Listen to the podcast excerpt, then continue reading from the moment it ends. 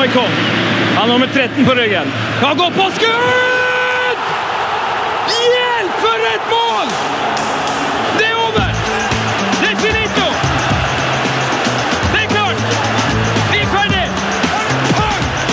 Heia fotball med Tete Lidbom og Sven Biskår Sunde. Heia fotball! Hva sier du? We're back. Yes, vi er tilbake etter et langt opphold. Eh, velkommen tilbake, Tete Lidbom fra lungeinfarkt. Ja, takk. Du ser ut som en million dollars. Ja, det er noen som sa du Frisk som en fisk. Jeg har følt meg som Hea Heia Fotballs Diabi Diaby uh, de siste to månedene. Ja, du har vært Ubrukelig, rett og slett. knapt nok kunne gå i ei trapp, så sliten var du i en periode. Ja. Um, nei, jeg fikk jo altså rett ved jul her lungeinfarkt. Helt utrolig. Blodpropp på begge lungene, lungebetennelse og vann på lungene. Ja, det var, var ikke måte på. Um, men nå er jeg altså fortsatt i live, eh, og 2017 kan bare bli bedre enn 2016. Og eh, ja, nei, det er mer om det her i eh, en podkast litt senere. Yes. For det finnes vel et klipp her, eh, der, for det skjedde jo under en podkast! Det skjedde under innspilling av podkast som aldri ble publisert. Vi hadde Per Ivar Staberg på besøk, og du fikk altså infarkt. Ja. Så nei, dette, dette må vi snakke masse om. Men det kan vi gjøre utover våren. Ja. Eh, kanskje sikte oss inn på, på dagens gjest. Og så bare ett spørsmål om sykemeldinga di. Har du fått, har du fått sett noe fotball, eller har du vært så sjuk at ikke du har fått fulgt med? Det har sett veldig mye eh, fotball, det har jeg. Men faktisk aller mest eh, eh, eh, falsk fotball, som noen kaller det. Eh, Football manager. ja. Yes, jeg har fått med meg at du har spilt en 200-300 timer der med ja, jeg Tottenham. eh, 250 timer er, før julaften. det er veldig, veldig bra. For min egen del kan jeg melde om at jeg har blitt far siden sist! Det er ganske rått. Det er helt sykt å tenke på at Sven Biskår Sunde eh, er pappa akkurat nå og resten av livet. Tusen takk. Gratulerer. Tusen hjertelig takk. Hvor trett er du på en skala fra 1 til 10? Du, Hun sover som eh, sin far, så dette har, jeg har så mye overskudd at jeg vil ikke tro det. Fantastisk! Velkommen, godt å ha deg tilbake. Skal vi ta imot dagens gjest? Åh, det her har jeg gleda meg til lenge. All right. Det vet jeg mange som Kjør catchphrase. Oh yes! Heia fotball. Heia fotball. Like fotball. Ja, ja, ja, ja. Ukas gjest, Tete Gutten, det er en mann med mange interesser og sterke meninger om mangt og meget. Eh, Stikkordene her er altså fiske, fisk, kaffe, rock, country, Towns Van Sant, raljering og fotball. Han har jobba som kommentator i avis, eh, som radioprogramleder. eh, Jeg har sett han på TV en u, eh, et utall ganger. Han, han har vært konsør. Han har drevet en av Norges mest kjente og høyst elskede platesjappe, Feedback. Han har muligens Norges mest kjente hestehale. Han er Maradona-mann, hyttelivsentusiast, fisker og endelig på plass hos oss. Fotballbok- og kaffebokforfatter. Egon Holstad, velkommen. Tusen eh, hjertelig takk for den korte og greie introen. Ja, Den kunne vært lengre òg, faktisk, men jeg, jeg måtte begrense meg litt. Ja. Jeg, jeg, slipper å, jeg slipper å skrive CV nå, jeg kan bare legge link til, til podkasten, så høres jo det der helt kanon ut. Du kan bare klippe det ut. Eh, Hva, hva er du utdanna innen? For du har jo på en måte som, du har så mange talenter. Du, Nei, jeg har jo faen ikke utdannelse, jeg er jo en notorisk dropout. Eh, Jeg kom til Tromsø som eh, 18-åring da jeg var ferdig med videregående på Fauske i Nordland. Eh, Prøvde meg på universitetet. Det var ikke noe lykkelig kjærlighet for noen av partene, så Nei. det ble ei ond skilsmisse. Og så klarte jeg da akkurat å stå på eksamen i det hinsides dumme faget sosialantropologi.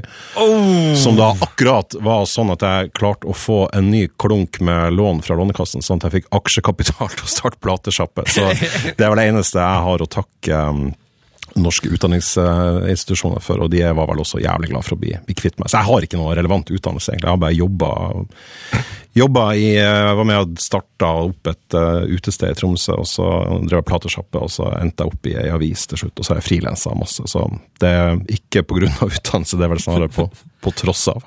Men, eh, men var det på, på universitetet at din eh, da, for meg egentlig overraskende store kjærlighet for kaffe eh, kom, eller? Nei, kaffe var, var så ille når jeg var liten nesten at uh, altså Jeg husker når jeg, begynte, når jeg begynte i 7. klassen, så fikk jeg lov å ha med meg kaffe på termos. Uh, og før den tid så drev jeg liksom og helte i meg leftovers sånn, fra foreldrene mine. Så jeg var helt, så- jeg var, det var mitt første narkokick var kaffe. Jeg hørte at du begynte når du var fire. Ja, så det var, det var Jeg var så glad i kaffe at eh, jeg var bare jævla glad det ikke var narkotika. Sånn, for da hadde jeg vært, eh, da hadde jeg vært på plata for lenge siden. Eh, eller sannsynligvis Six Feet Under. Men, men det var, kaffe har jeg alltid vært eh, veldig veldig glad i. Eh, og når jeg da ble spurt om å skrive en sånn kaffebok for eh, et par-tre år siden, så, så sa jeg at det er på en betingelse at det ikke skal være noe sånn her eh, caffè latte, eh, flinkis, eh, kaffecup-opplegg, men og kaffe med masse sånn dyresekreter oppi, altså melk. Det, for det er jeg ikke noe glad i. Jeg er egentlig en vanlig norsk kaffekonsument. Ja, fordi det er noe, noe med Egon Holstad og kaffebok som er sånn Med en gang så tenker jeg Nei, det stemmer ikke helt, men, men skriver du bare da om den gode, gamle Cup of Joe, liksom? Nei, den boka er jo et slags forsøk på å beskrive den norske kaffesjela, og den er jo egentlig ganske langt unna de her kaffebarene, som mer er å anse som konfekter i, i, i, i sjokoladebransjen. Altså, du har svære melkesjokolader, som er den gode, vanlige kaffen, og så har du de små, rare konfektene som er kaffebarene. Så det er et forsøk på å beskrive som kaffens historie da den kom til Norge, hvordan situasjoner folk drikker kaffe, og så snakke med, med en del kaffeentusiaster, alt fra Herman Friele til til eh, rockere som foretrekker kun sterk kokekaffe, der skeia forsvinner med en fresende lyd mens de hører på country og leser Morgan Kane. Bålkaffe Ja, bålkaffe er sånn. den aller beste. Jeg utførte et eksperiment da, i forbindelse med boka, det kan man da lese der. Oi, spennende. Eh, Tom Høgli har vært eh, gjest her for noen måneder siden. Å, så koselig. Ja, han er jo, jeg vil jo tro at han står ganske høyt i kurs hos deg oppe i Tromsø der. Ja, Tom Høgli er jo en spesiell kar på mange måter. Han er jo, altså I, i Nord-Norge så er, det, så er folk veldig, veldig splitta i synet på hvorvidt man trenger to lag i nord. Ja. Eh, Det har jo da mange år vært både Bodø-Glimt og TIL, altså Troms idrettslag, som jeg da holder med. Eh, Jeg mener da at vi ikke trenger to lag, jeg mener at vi trenger bare ett lag, primært TIL. Eh, Og et veldig godt eksempel på det er at altså Nord-Norge er jo en enorm, enormt svær landsdel. altså Bare Finnmark er jo, er jo like stort som, som Danmark. og tilgangen på talentene i Nord-Norge eh, er ganske god. Det er veldig mye fotballspillere spredd utover landsdelen. Og da Glimt røkka ned, så var jo Tom Høgli forespeila å få kapteinsbindet fra Runar Berg i sin tid. Men valgte å takke nei til det og heller gå til TIL, for TIL var en divisjon over. Som for meg er beviset på at vi trenger ikke to lag i nord, vi trenger ett lag som kan få alle de gode spillerne. Og sånn tenker jeg selvfølgelig også i, i, i Bodø. Og Tom Høgli kom jo da fra Glimt til TIL. Noe han aldri ville gjort hvis det var to lag i toppen i nord. Mm. det, Så jeg er veldig glad i Tom Høgli. Han er en, og han er en, han er, Tom Høgli er, altså, han er en sånn bra fyr at jeg syns det nesten er litt sånn spooky. Jeg tenker at eh, ja, ve veldig hyggelig å snakke med. Treffer han gjerne på gata og snakker med han. Kunne gjerne som han er og drukket kaffe med han på, på kafé og alt sånt. Men jeg, hvis jeg hadde hatt hund Jeg er allergisk, altså, jeg har ikke det. Men hvis jeg hadde hatt hund, så hadde aldri i helvete Tom Høgli fått passa den hunden. For jeg tror han driver med noen sånne her jævla lyssky greier på når folk ikke ser på natterstid og sånn, så driver han med noen sånne her Ja, han er for tortur- bra, liksom. tortur- Torturerer dyr eller et eller annet. Noe jævla mørkt driver han på med det. Jeg føler jeg meg kanonsikker på, for han er for heil ved på alle måter. Han har så gode holdninger, og han er en sånn eh, tvers igjennom bra fyr at det, det, det, ja, hvis det er for bra til å være sant, så er det som regel for bra til å være sant. eh, To- når Tom var innom her, så sa han at han, eh, sin store drøm når han la opp, var å starte en liten kaffebar i Tromsø. For han drakk eh, Han drikker fi, fire til fem til seks kopper hver, eh, kaffe hver dag. Og når det er ferie, så sa han, da var det bare helt ute av kontroll. Da var det sånn ti, ti kopper. Da, da, Da han, liksom. Ja, ja. Forklarer kanskje litt av, eh, av energien og entusiasmen. Har du, når du skrev denne boka, liksom, lærte du én ting som måtte er den, den beste kaffeeffekten som fins? Ja, altså Det største eh, sånn payoffen for min egen del som jeg fikk av den boka, der, det var at jeg opparbeida meg et helt sånn intenst lidenskapelig flammende hat mot hele den kapselkaffeindustrien. Eh, så jeg heiv jo ut eh, min egen eh, Nespresso-maskin eh, og følte meg jeg, Jeg følte at jeg liksom hadde drevet og At jeg drev med nazisme, omtrent. Det var en sånn grusom erkjennelse å se hva de jævlene der driver på med.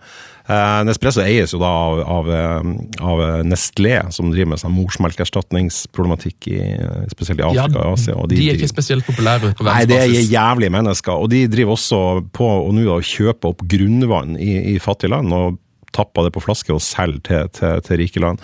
Og de samme jævla drittfolkene her driver altså på å lage den her grusomme kaffen nesten uten koffein, som de pusher på folk i sånne her søppelberg av noen kapsler. Og det her bedritne, korrupte, menneskefiendtlige skitgjengen her, Nestlé, er altså da den posten på det norske oljefondet som er størst. Uh, og det her ante jeg ingenting om. Det, er det det? Ja, det er Norges sin største investering i pensjonsfondet er i Nestlé. Det er som om vi, som om vi skulle hatt pengene stående på Nazikonto. på eh, nazikonto et eller annet sted. Det er helt forferdelig. Og det jeg oppdaga da i forbindelse med boka, det skrev jeg et eget kapittel om i boka. og Bare det også at Hellestrøm for eksempel, driver og fronter ned dritten. eh, som er så opptatt av at man, altså det er liksom det verste han vet, er Toro, ferdig suppepose. Mann som ikke bruker ketsjup. Ja, ikke sant? Og så bruker han den jævligste kaffen som er på markedet. Eh, Så klapp igjen og spis eh, Toro suppe tørr uten vann i et år før du uttaler et eneste ord om kaffe. Så klapp igjen, knallis. Eh, Den øhm, boka har du skrevet store deler på hytta, vet jeg. Eh, Ja. den, altså, jeg har fått sånn inntrykk at du sånn, at du er så utrolig glad i det, det hyttelivet. Hvor, hvor ofte er du på hytta, Olstad? Nei, jeg, jeg, liksom, jeg, jeg er jo vokst opp med, med hytte. Vi hadde hytte på fjellet, og vi hadde hytte ved sjøen. Vi var veldig heldige som eh, fikk, fikk arva noe greier der. og og eh, jeg vokste opp med en far som var Han hadde liksom to, to lidenskap her i livet. og Det ene var fotball. Han var utdanna D-trener og var, var aktiv i fotballforbundet. Er det sant? Ja da. Eh, og, og, og trente fotball lokalt, eh, både Fauskesprint og erkerivalen til Bodø-Glimt den gang, som heter Gran. Eh, og- så det var det, fotball. Det var fotball, fotball, fotball hele tida. Og når det var Sportsrevyen, så dro han ut kontakten på telefonen og sånn hjemme. eller var det redigert opptak på, som landskampen da gikk på før, så dro, dro, dro han også ut kontakten. Eh, I tillegg så var han veldig, veldig opp eh, opptatt av, av fiskerne. Eh, Så han lærte opp både meg og broren min veldig på, på fiske. Så jeg vokste opp med, med fiske både, hav, både på havet og på fjellet som en veldig viktig del. Og så ble jeg 18-19 og dro til, til Tromsø, og så lå det her brakk noen år. Og så jeg, var jeg med i et sånt tippelag der vi eh, i løpet av et års tid eh, Vi gikk jo jevnt over i tap, men det, ble jo, det samla seg opp penger. Eh, og når vi skjønte etter noen år at eh, vi taper så mye penger på det her, så oppløste vi selskapet, og så delte vi det vi hadde vunnet. Og da hadde jeg plutselig sånn 7000-8000 kroner. Og da kjøpte jeg meg fiskeutstyr for alt, og så tok jeg opp igjen da, den her eh, interessen. Og det har da kulminert i at jeg fant meg eh, ei dame som jeg nå er gift med meg, og som er datter av en ishavsskipper og vokste opp i en sånn selfangstfamilie og fiskerfamilie. og Vi har da kjøpt oss ei hytte på yttersida, der vi ser ut i storhavet der. Det neste vi treffer av land når vi legger ut med båten fra hytta, er Grønland eller USA eller noe sånt. Eh, og der er jeg store deler av året med, med hun og, og dattera hennes, og vi fisker masse og jakter på sel og, og er, Jakter du på sel? ja, jeg var med på det i sommer. Det var jævlig artig. Så jeg har eh, fryseren full av uh, kobberkjøtt. Det, det, det blir jo ikke spesielt mye tøffere enn det, spør du meg. altså. Nei, jeg, ser, jeg ser jo at øh, øynene til sørlendingen her ble litt sånn øh, så, så nesten litt sånn livredd ut. øh. Ja, Fordi de, så, de, fordi de er så søte? utrolig eksotisk. Ja, det er jævla kult, da. Så jeg, det friluftsbiten av meg. Den, jeg, jeg har endt om å bli en helt sånn uforbederlig sjarkromantiker, og drar jo også ut med med broren min på, på vinteren og fiska skrei. og se på, var Nå nylig, forrige uke også, var med og merka kvala med noen forskere. og sånn. Så jeg er veldig veldig glad i den der delen av, av livet. og um, Jeg har aldri egentlig heller skjønt den, den der såkalt liksom motsetning eller kontradiksjon mellom å like rock, fotball og friluft. Det ene utelukker ikke det andre. Det er fullt mulig å både like kjøttkake og sushi, og det er også mulig å like både country og soul. Så herregud. Det er, jo det er perfekt på en lørdag å gå ut og fiske noen timer, og så gå inn og se, se kampen på hytta. Ja, fy faen, ja, for jeg har jo eh, internett her, for det måtte jeg. Jeg husker det første året vi hadde hytta der, så holdt Liverpool, som er mitt engelske lag, holdt på å vinne serien, vi hadde ikke internett, og det var ingen der ute som hadde eh, de kanalene, så jeg måtte kjøre inn til Tromsø en time og kjøre, så jeg kjørte liksom, jeg var borte fire timer hver helg. så det var jævlig upopulært. Men jeg husker jeg, sånn sesongstarten, den første sesongstarten da jeg hadde, hadde internett, så var jeg ute på, på morgenen, det var så jævla fint vær en lørdag, og så, så fikk jeg, fikk jeg to svære sånne bross med sånn bunnfisker. Ser ut som stein, blanding av steinbit og torsk. Og så kom jeg inn med dem, og så var jeg nødt til å, jeg var nødt til å sløye og filetere de her før, før kampen begynte. Så jeg husker jeg kom inn til kampen, så hadde den akkurat begynt. Og de andre i hytta hadde ikke stått opp, og, og, og Liverpool skåra ganske tidlig. Og så brøler jeg sånn Ja! Og så kommer eh, kona ut, og da står jeg med hendene fulle av blod og ser klin gal ut. Eh, og da var jeg jævla glad hun ikke hadde hakkapikken i nærheten, for hun hadde bare klubba meg ned for å beskytte dattera si. Eh, Så det, så det har gitt noen eh, litt sånn bisarre innslag i, i hverdagen.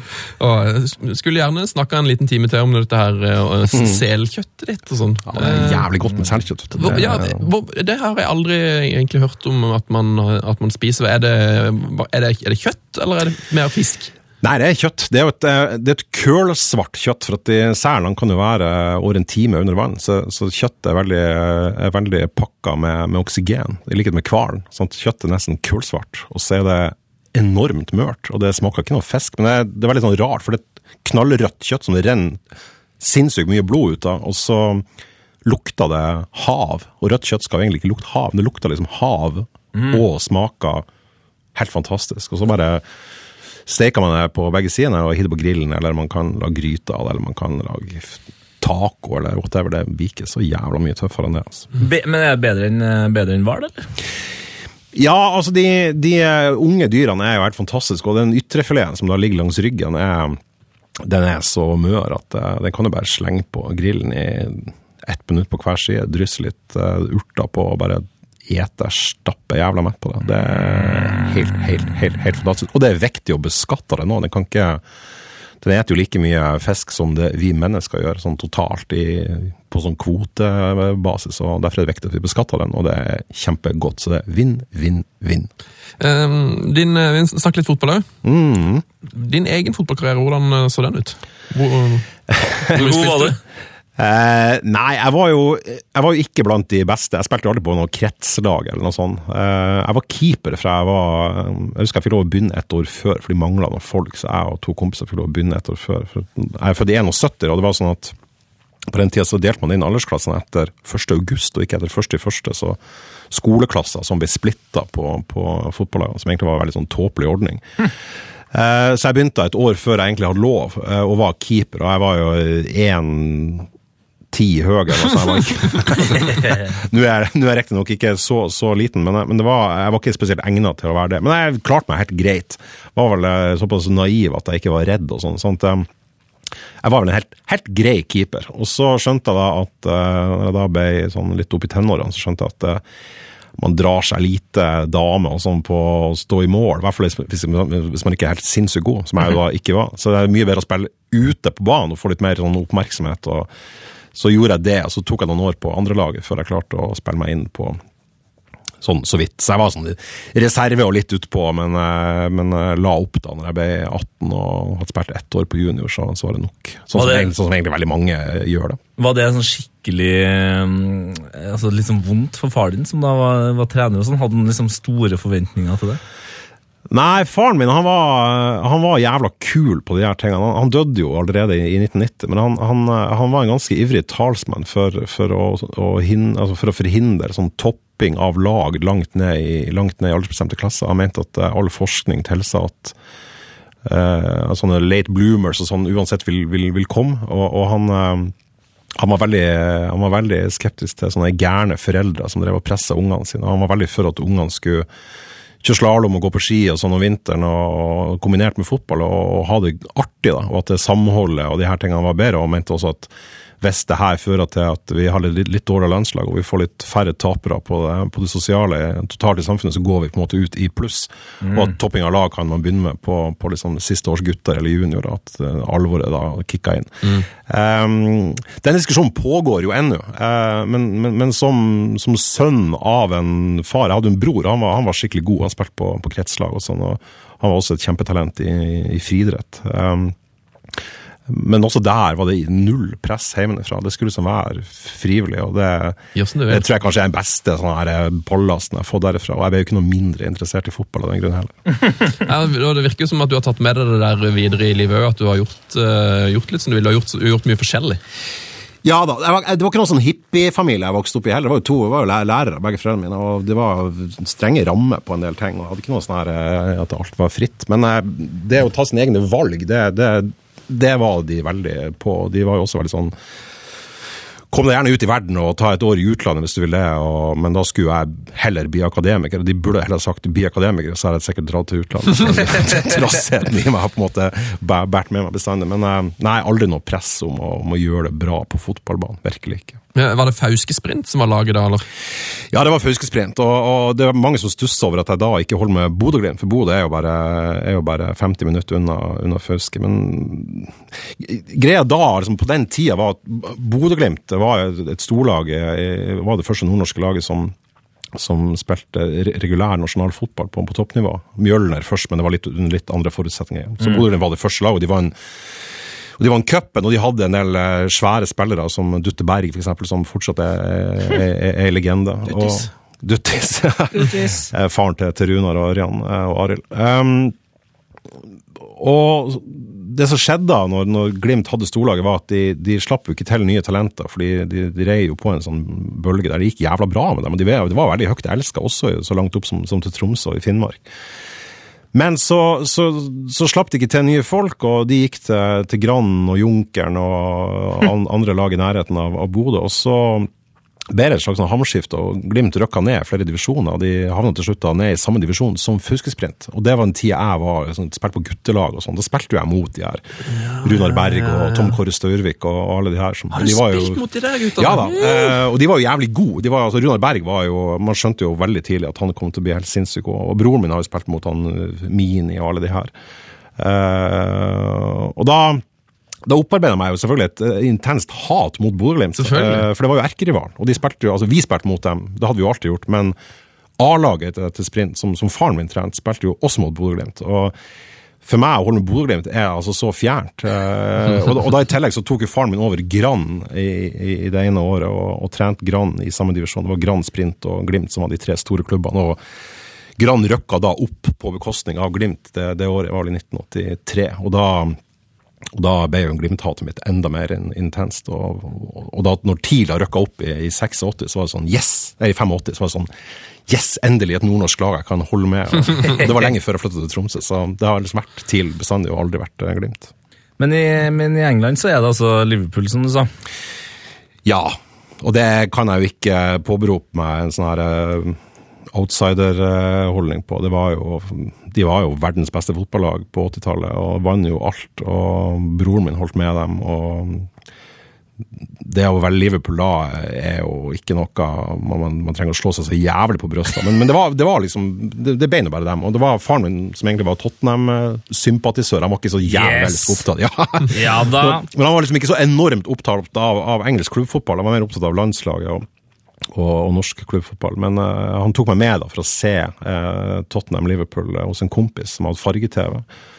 Eh, Nå høres det ut som jeg er 90 år. Ja, det, er- det stemmer, det. Han Mor, morfar snakka om den gangen farge-TV-en kom Ikke til Norge. telegrafisten kom. Men da skulle vi se, vi se Tottenham-Liverpool, og, da, og da fikk eh, da fikk jeg et eh, sånt bilde fra bladet Fotball av han kompisen min som heter Jarle Jensen, som Hei, ja, bor, i Kabelvåg en dag i dag. og Han uh, ga meg et bilde av Ray Clemens, keeperen på Liverpool. hadde, Han hadde ikke keeperhansker engang på det bildet, sånn A4-bilde. Og Så så vi kampen, så knuste Liverpool Tottenham, og så kom da faderen hjem med en Liverpool-supporter i baksetet.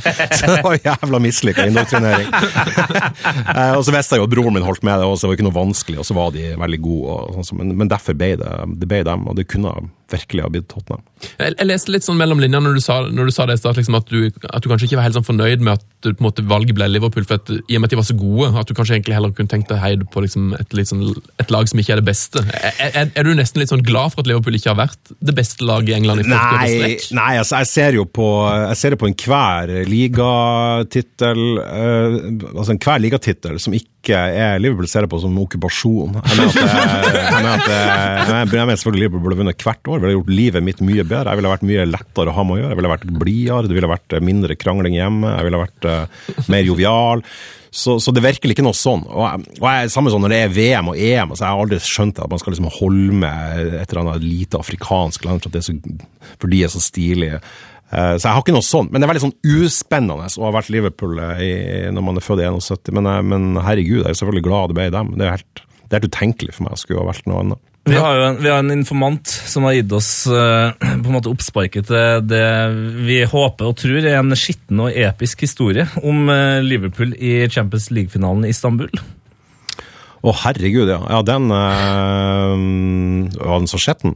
Nei, altså, det, det er informanten skrev, det. Hva han mente med skitten? Nei, Det har jeg absolutt ingen som helst idé om, men det kan jo være. altså, Ja, altså, det Informanten en- er ikke fra Nord-Norge, da, så det er Eh, kanskje nei, bare språket som er eh, Det var ingen mennesker som gikk med. eh, eller ingen liv gikk med. okay. Nei, det, var, det var jo en utrolig spesiell eh, tur. For å gjøre det kort, så var, dro jeg i lag med en som heter Joakim Førsund, forfatter og Liverpool-supporter, som vi er blitt kjent gjennom det felles, eh, det felles, den felles klubben vi har i England. Eh, og jeg var da på ferie med det som da var samboeren min, og i, i Spania, på, i Madrid. Og han Joakim var på ferie med det som nå er kona hans. Og Liverpool var i finalen, og vi prøvde å få oss billetter. Eh, og det var jo før smartphone, sånn, så jeg hadde jo jeg husker, en sånn Nokia-telefon der det gikk an å VAP. Altså man var på nettet på noe som heter WAP. Eh, og jeg drev og faka så det hadde sånn sinnssykt vondt i magen. At jeg, liksom måtte, at jeg måtte drite hele tida. Men det jeg da prøvde å gjøre, det var å få tak i billetter til den fuckings fotballkampen. Så, så det vappa på dass? Eh, Ja, og så fikk vi tak i, vi fikk tak i, i, i engelske billetter via en kjenning i, i Liverpool, og, men mangla flybilletter. Og vi planla, han, han var på ferie et eller annet sted i Sør-Europa, og jeg var på ferie et annet sted i Sør-Europa. og Vi drev og teksta til hverandre. da. Og vi planla til og med å ta den transsibirske jernbanen fra Hellas og, og, og videre da inn til, til Istanbul. Men vi fikk da komme oss på sånn chartra fly. Um, og kom oss ned da, fikk se denne kampen. Og, og det var masse kødd òg. Vi, eh, vi tok en eh, pirattaxi med noen sånn utrolig hyggelige tyrkere, som etter en kort stund viste seg å være uhyggelige tyrkere. Og de skulle eh, bare kjøre oss ut i ørkenen og skulle ha penger. Men de rana oss. Å. Det var jeg, og Joakim og en eh, norsk militærfyr og en haug med dritfulle skausere. Og der sto vi midt i Og de skauserne skulle jo drepe de her tyrkerne. Og jeg bare sa Nei, bare gi dem penger. Jeg vil faen ikke gjennom sånn kebabkjøtt. Jeg skulle se den jævla kampen. For Det første, første finalen til Liverpool på 24 år i, i, i det jævla selskapet. Og eh, vi ble satt av ca. en mil fra stadion, midt i ørkenen. Og vi gikk da ja, vi gikk da et par timer før vi kom frem til stadion. Vi var heldigvis tidlig ute. Og der var det solgte jo ikke verken mat eller vann eller noen ting. og Kjøpte noe sånn her øl på svartebør, sånn varmt, alkoholfritt. You're, you're you cheating muslim bastard, ropte jeg. Og det eneste, det eneste jeg hadde med inne på salen, det var tre 20-pakninger med Camel-sigaretter. Så jeg, jeg røkte 60 sigaretter uten å drikke en dråpe fuktig på den kampen. Men hadde det ikke gått sånn som det gikk, så hadde jeg garantert røkt meg i hjel og dødd der inne. Men jeg, vi vant nå, og det var en fantastisk, eh, fantastisk opplevelse. Det det er utrolig å kunne si, etter å ha dritt en del timer på VAP, nesten tatt den trans transsibirske banen, blitt satt ut i ørkenen og så bare røyka 60 Camel. Det var jo en fantastisk opplevelse. Ja, ja, Og det er jo det som er det fine med fotball, da. Og ikke minst, jeg husker jeg fikk eh, på vei ut av stadion, så fikk jeg krampe, sånn som Carragher fikk i, eh, i begge beina. Eh, og måtte legge meg ned i noe sånn her Det var jo midt i ørkenen der, så jeg lå i sånn sandhaug med sånn Joakim sto og tøyd krampa ut av beina på en gal, halvtjukk nordlending som ligger og har latterkrampe for han er så euforisk glad. Ja, virkelig et toppunkt i livet mitt. altså. Jeg tror jeg har aldri vært mer lykkelig. Må jo få, Joakim er vel, han er vel ganske flink med video, da burde du jo fått filmatisert dette her på, på et eller annet tidspunkt. Ja, jeg, jeg oversatte faktisk et teaterstykke om den kampen, der en engelskmann, altså en scouser, dro ned litt på samme vis, stikk i strid med familiemeninger og sånn, og, og, og fikk en her sånn sinnssyk opplevelse. Og Han, han var også gikk ut i ørkenen her og ble lurt og sånn, så da var en historie jeg følte meg veldig hjemme i. Den, den, ble, den ble oppført her på teater i, i Nord-Norge. Fantastisk stykke som heter Beating Berlusconi, som også finnes på, på nettet for de som vil se den. Nydelig. Eh, Egon, vi har eh, bedt folket om å komme med litt innspill òg. Ja, så gøy. Stille et lytterspørsmål. Og Helge Martin Markussen har gitt et dilemma her. Ja. Aldri mer rock'n'roll eller aldri mer fotball? Nei, det er veldig enkelt. Det er jo, det er jo aldri mer rock'n'roll. Uh! Ja. Det, men det er litt sånn men, uh, Altså, for meg så er liksom Egon ofte denne her kulturpersonen som står fram for musikken og alt sånt der, men, men jeg legger merke til nå, når jeg snakka med deg en liten halvtime, at fotball åpenbart er hjertet ditt nært, men jeg ble litt overraskende, altså. At det, Det var så jeg enkelt. Ja, altså det her er jo, det er jo et enten-eller-spørsmål. Det er jo det. Jeg hadde vært liksom eh, brakt inn sånn kona og sånne ting, så hadde jeg jo måtte ha sagt det. Eh, og, og, Så fotball eller kona, da har du gått for kona? Ja, selvfølgelig har jeg valgt kona. Jeg- Er du gal? Men altså, sånn, jeg, må, jeg, og jeg kan jo ikke si noe annet heller. Nei, ikke sant. men men, men eh, eh, når det kommer til fotball versus rock, så går det på at altså, ja, jeg er jo, er vil si middels, godt over middels interessert i, i, i musikk, og har jo drevet platesjappe og vært DJ og skrevet om musikk i alle år, og vært eh, lidenskapelig interessert i musikk så, så lenge jeg kan huske.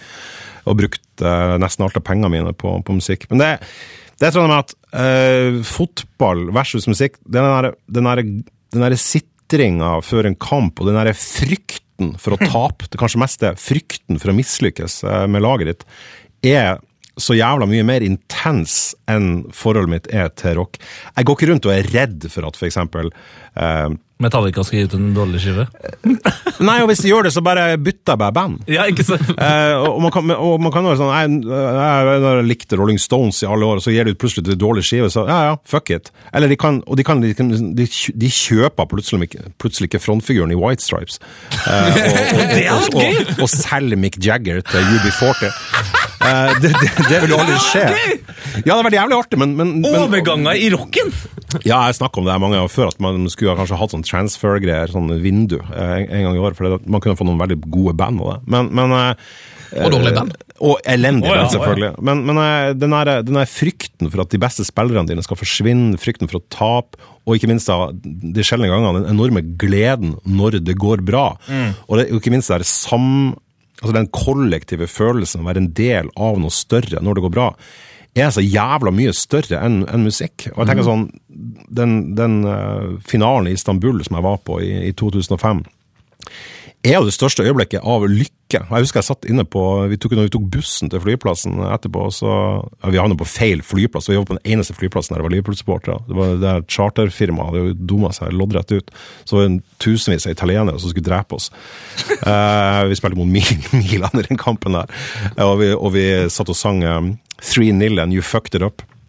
Eh, og bussen krasja på vei til flyplassen, og frontruta flaksa ut, og noen tyrkiske sjåfører begynte å slåss. Og, og så husker jeg, jeg, husker jeg satt der og så tente jeg meg fyr på en røyk, for det var, det var ikke noe problem å røyke inn i bussen, for at frontruta hadde jo flaksa ut. Vi satt nest fremst, jeg og han Joakim. Så satt jeg bare og røykte, nesten uten stemme, og så sa jeg til Joakim at eh, Vet du hva, jeg, jeg driter om vi kommer oss hjem. Akkurat nå er jeg så lykkelig som jeg aldri kommer til å bli. Og det er det eneste triste aspektet med å være meg akkurat nå. Jeg blir aldri mer glad enn jeg er nå.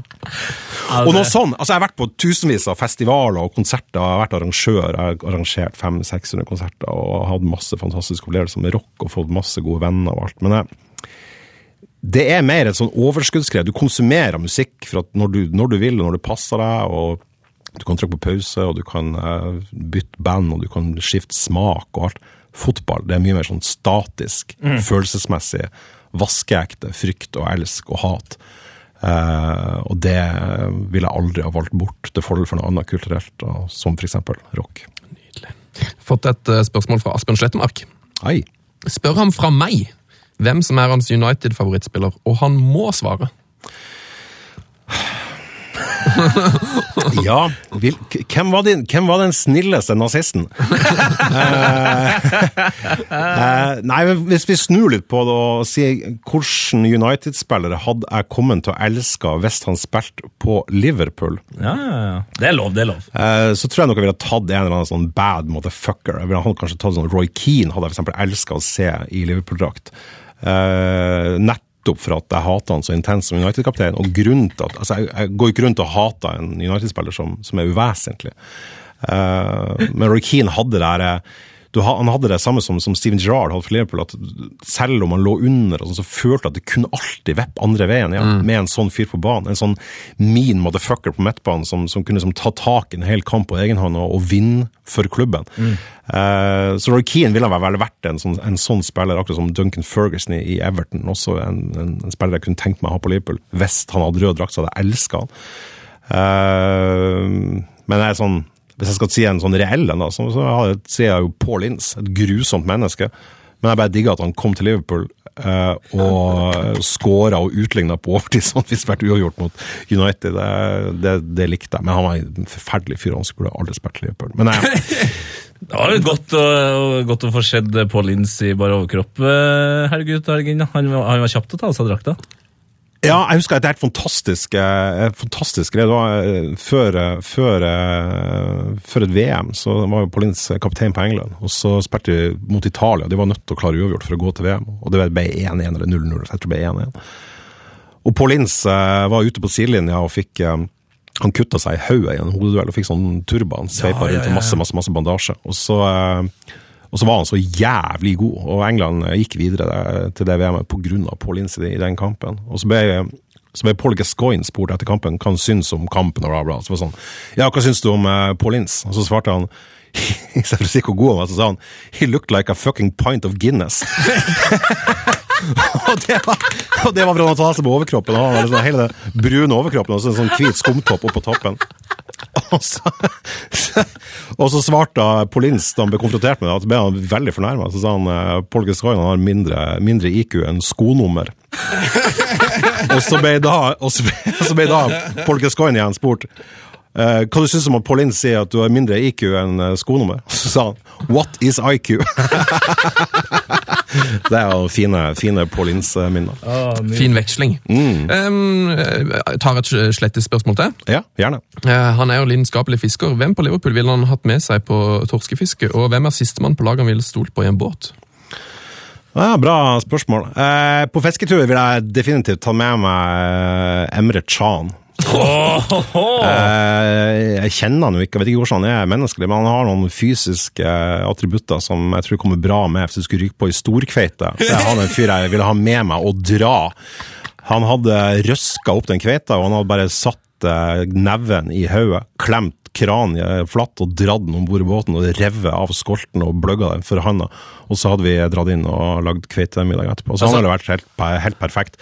En man jeg overhodet ikke eh, ville stolt på i båt, er jo eh, Karius, keeperen til, til Liverpool. Eh, jeg hadde ikke tort å snu ryggen til han i et eneste sekund, i frykt for at båten plutselig bare skulle skjære ned i havet og havne på i Marianergropa. Uh, han, han stoler rett og slett uh, ikke på i det hele tatt. Så din, uh, ditt førstevalg akkurat nå er helt åpenbart Mignolet Ja, som keeper. i... det er vel ikke for at Mignolet er sin i satans god, men mye- nå hadde jo Karius en god cupkamp i, i midtuka, men, men eh, og kan hende han blir god også, men uh, Mignolet er vel per nå den beste keeperen Liverpool har, og det er jo litt trist. Ingen tvil om hvem som har best hår av de to, iallfall. Nei, det er det ingen tvil. Um, James Miller hadde vel Han tror jeg òg jeg hadde stolt på på, på sjøen, altså. Han Han har aldri kommet til å bli kald på fingrene. Han er sånn, jeg ser for meg han har sånn eh, fiskehender. Som bare Ja, tåler men han er sånn her eh, Jeg tror han er så jævla døll.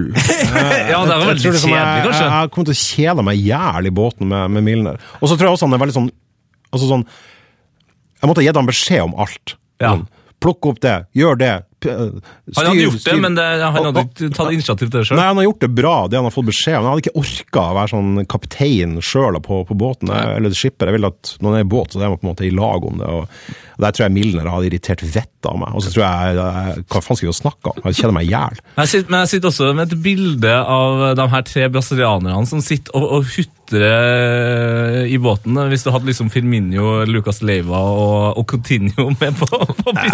Ja, altså, jeg tror Lu, Lucas tror jo ikke jeg er brasilianer, jeg tror han er østeuropeer. Så, så det, det tror jeg går helt fint. Eh, Coutinho tror jeg ikke har tort å gå om bord i båten, og Firmino tror jeg, tror jeg svimer av hvis han har sett blodet fra ei sild. Eh, Men Lucas han tror jeg klarte seg bra i båten. Han er, ville vært sånn han ville, vært, han ville ikke vært bra å ha med seg på sånn sofistikert kveitefiske, men på bare å dra opp masse skrei og sånn, så hadde det helt fint, Sånn rydde, ryddegutt. Sånn skiftenøkkel skiftnøkkel til bare å gjøre jobben. Eh, du, har vært, eh, du har vært på plass i et par eh, VM. eh, Egon, hvor mange har det blitt? Eh, Jeg har vært i, eh, i to VM. Jeg var i eh, VM i Tyskland i 2006 i lag med Joakim Førsen og skrev ei bok der vi kjørte rundt med bobil. i Bobilmemoarer. Stemmer det. Og så dro vi til eh, fotball-VM i 2010 i Sør-Afrika, og da bodde vi i slummen i Soveto, og så blogga vi derifra. Det var jo en ganske bisarr opplevelse, men det var jo to helt fantastiske opplevelser, begge delene. Altså I 2006 så står det vel som at dere brukte rundt 120 000 kroner på svartebørsbilletter, stemmer? Ja, det var en utrolig sånn surrealistisk tilværelse. For at vi hadde et ganske begrensa budsjett fra Erling Kagge, som da var den kyniske øh, fyren som hadde sendt oss ut på tur. Der vi på den ene sida skulle spare på alt av øh, sånn overnatting og mat og sånn, og så var det liksom fullstendig carte blanche på å bare spøle opp så mye penger vi ville på svartebørs. Vi skulle se alt på svartebørsmåten. Det var liksom ideen bak boka. Så jeg, og han Joakim ville ikke ha noe å gjøre med sånn pengeansvar. sånn, Så, jeg, så jeg, hadde, jeg var liksom banken. Så hadde en venstrelomme hadde jeg mat og ølpenger, og sånn, og på, i høyrelomma hadde jeg svartebørspenger. Så går, sånn du går skjevt den dag i dag, du har med? ja, jeg gikk jo rundt med, jeg rundt med sånn, hadde alltid sånn mellom 20 og 60 000 i cash. Uh, og vi får jo bære og vimse blant sånne shady kasakhstanere og handla. og Sånn.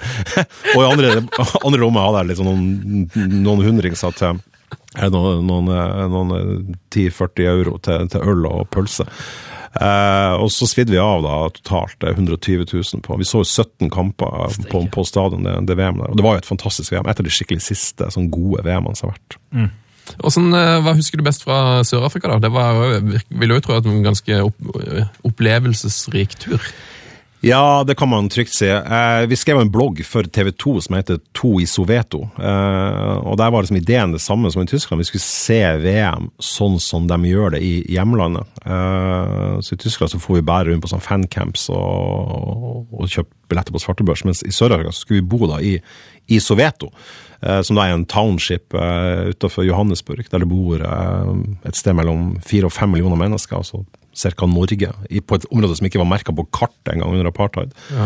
Southwest Township, er det det Ja, st stemmer det. Og eh, der bodde vi eh, i lag med en gjeng med sånne kriminelle ungdommer som eh, det var knuste vinduer, og de røyka pott hele tida. Og, og det var masse trøbbel med internett, og vannet frøs, og vannet stoppa, og strømmen gikk. Og, og, der, og det var masse det var knivstikking og truing. og vi måtte underdrive alt det her i den bloggen eh, pga. familie og sånn, og TV 2 var, ville jo komme og hente oss og sånn. Men eh, vi, vi levde nå der ute og, og blogga, eh, og opplevde VM i lag med dem, og, og det var helt sinnssykt artig. Det er en av de kuleste turene jeg har vært på.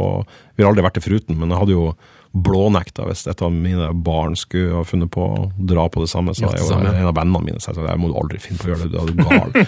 så i ettertid så var det jo et helt hodeløst eh, prosjekt, men eh, det ble noen, eh, det ble noen gode blogger, føler jeg, og det var, det var jævlig artig. Så jeg en video, Var det dere som var hos opp, oppsøkte da heksedoktor før en kamp, eller er blander jeg nå? Eh, nei, da tror jeg du blander med fotballkrigen, som var Bård Tufte og Joakim Førsund som faktisk gjorde. Da var det vel lokaloppgjøret mellom, eh, mellom eh, Kaiser Chiefs og Orlando Pirates, som er de to store lagene i Johannesburg. Ja, jeg husker jeg har sett noe, jeg husker jeg, for jeg har sett noen bilder av det i Mye video av det fra, fra Sør-Afrika, det Ja, jo da, vi, TV 2 kom jo inn og lagde et innslag med oss som var sånn feature. sånn Se, se guttene våre i Soveto. Og da kom det inn med De, de hadde med seg to livvakter med, som var bevæpna eh, for å besøke oss. han, ene hadde vært eh, Han ene hadde vært livvakten til de Klerk, han gamle Sør-Afrika-presidenten. En sånn gal eh, fremmedlegionær fra Frankrike. Eh, og de var, han var sånn Dere kan ikke være her. Eh, jo, jo, jo, sa vi, vi er jo her. Um, og da var vi jo spist sånn her kokt kuhode, så de sto og solgte langs veien. Så en fyr som med en sånn gryte med 30 kuhoder og masse salt oppi, som så bare kokte og kokte. kokte. Og da var vi og spiste det med noe sånn her potetmosaktig mens, med, med fingrene, mens TV 2 um, filma oss. Det gjorde jo også at familiene våre stikker beina videre happy for at vi var der vi var. Ikke beroliger. Eh, du sa at eh, 2006 var kanskje liksom det siste fantastiske gode VM-et som har vært. og Nå, har, nå i denne uka har Fifa eh, egentlig bestemt at de skal utvide VM med 32 til 48 lag fra 2026. Hva tenker vi om det?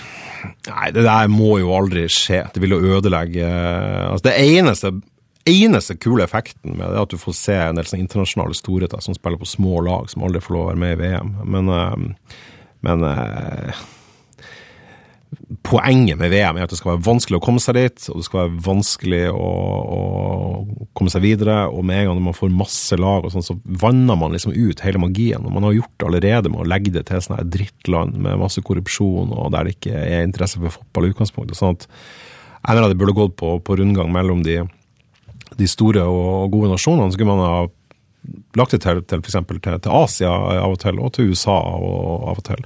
Men det burde primært gå i, um, i Afrika, eh, Europa og, og Sør-Amerika.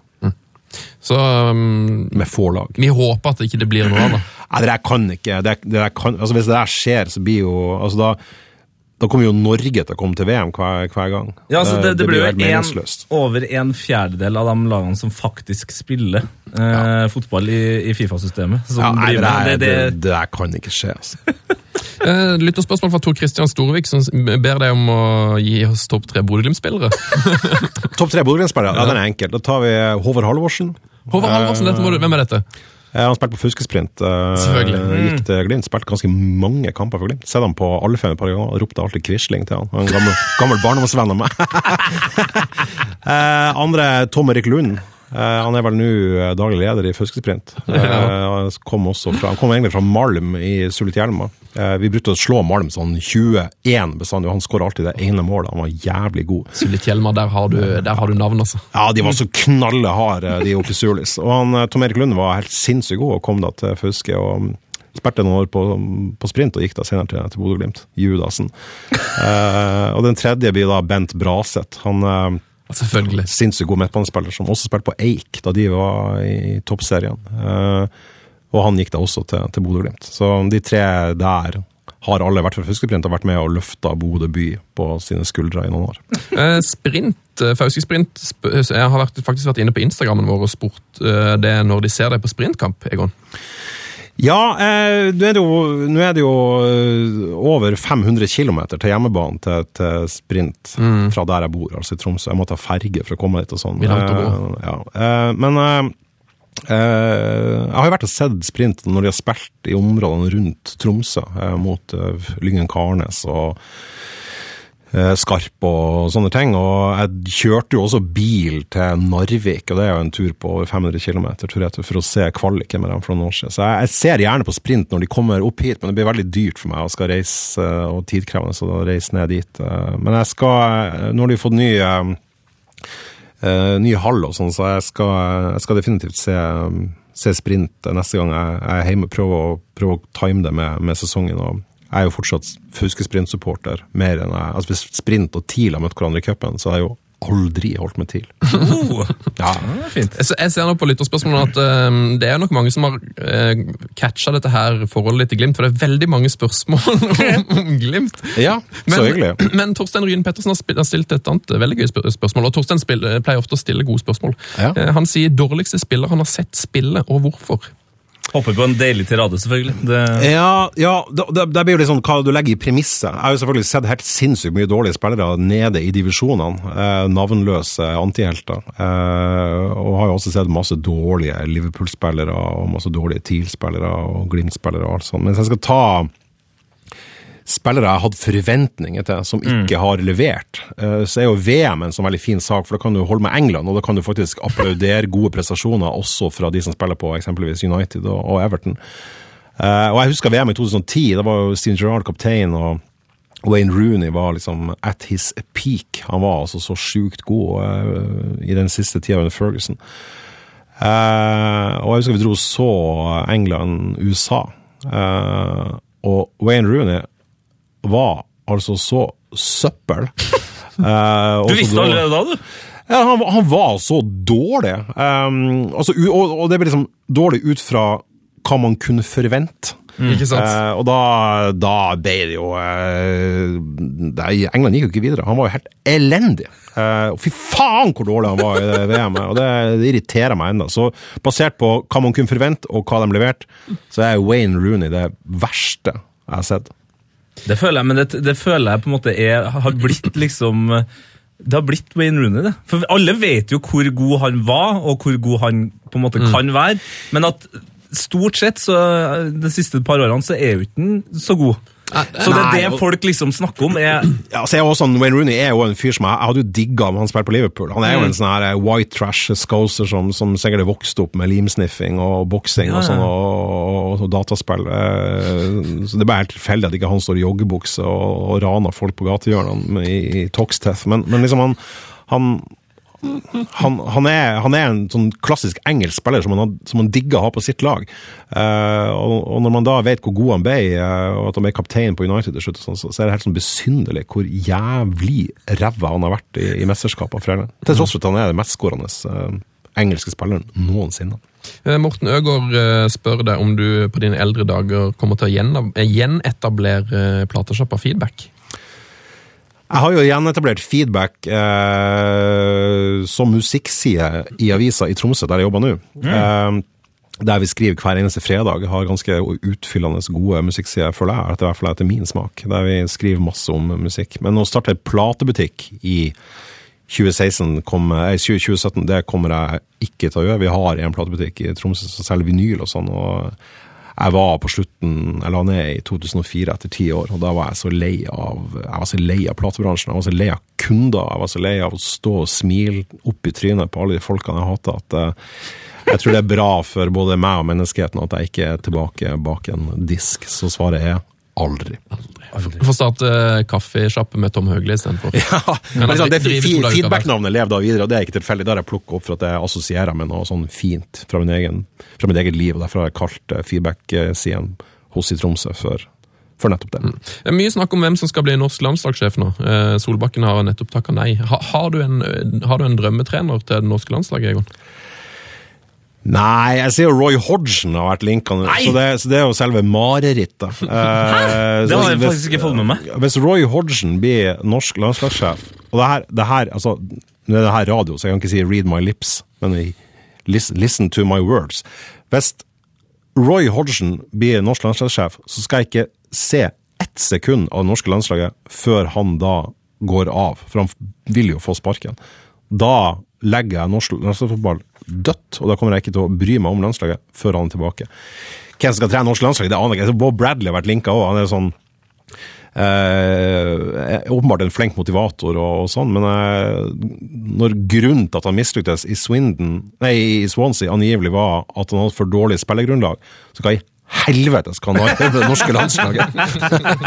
det skjønner ikke jeg helt. Nei, men jeg, jeg holder veldig med deg i den her eh, Roy Hodgson-greia. altså. Eh, og, og bare en kjapp fun fact før vi går videre til, til drømmelaget. Ja. Eh, eh, Norge eh, gikk akkurat opp på Fifa-rankinga. Oh, er vi på, er, har vi passert 150? Nå er vi på 83. 83! Ja, ja, ja. Og det Wow, er altså, hvis jeg ikke tar helt feil, første gangen vi har gått opp eh, siden Høgmo ble ansatt og sparka. Så det, vi uten trener så klarte vi det altså bedre enn når eh, Høgmo Ja, jeg tror hvis Norge har latt være å spille kamper i ti år, så hadde vi jo gått opp på de listene der. Ja, det er akkurat det som er Eh, det blir jo litt sånn Hva man sammenligner det med, da? Er sånn her eh, Fy faen, hvor raskt jeg sprang seksmeteren. Jeg sprang den eh, mye raskere enn han fyren uten føtter. Så det er sånn, jo jo.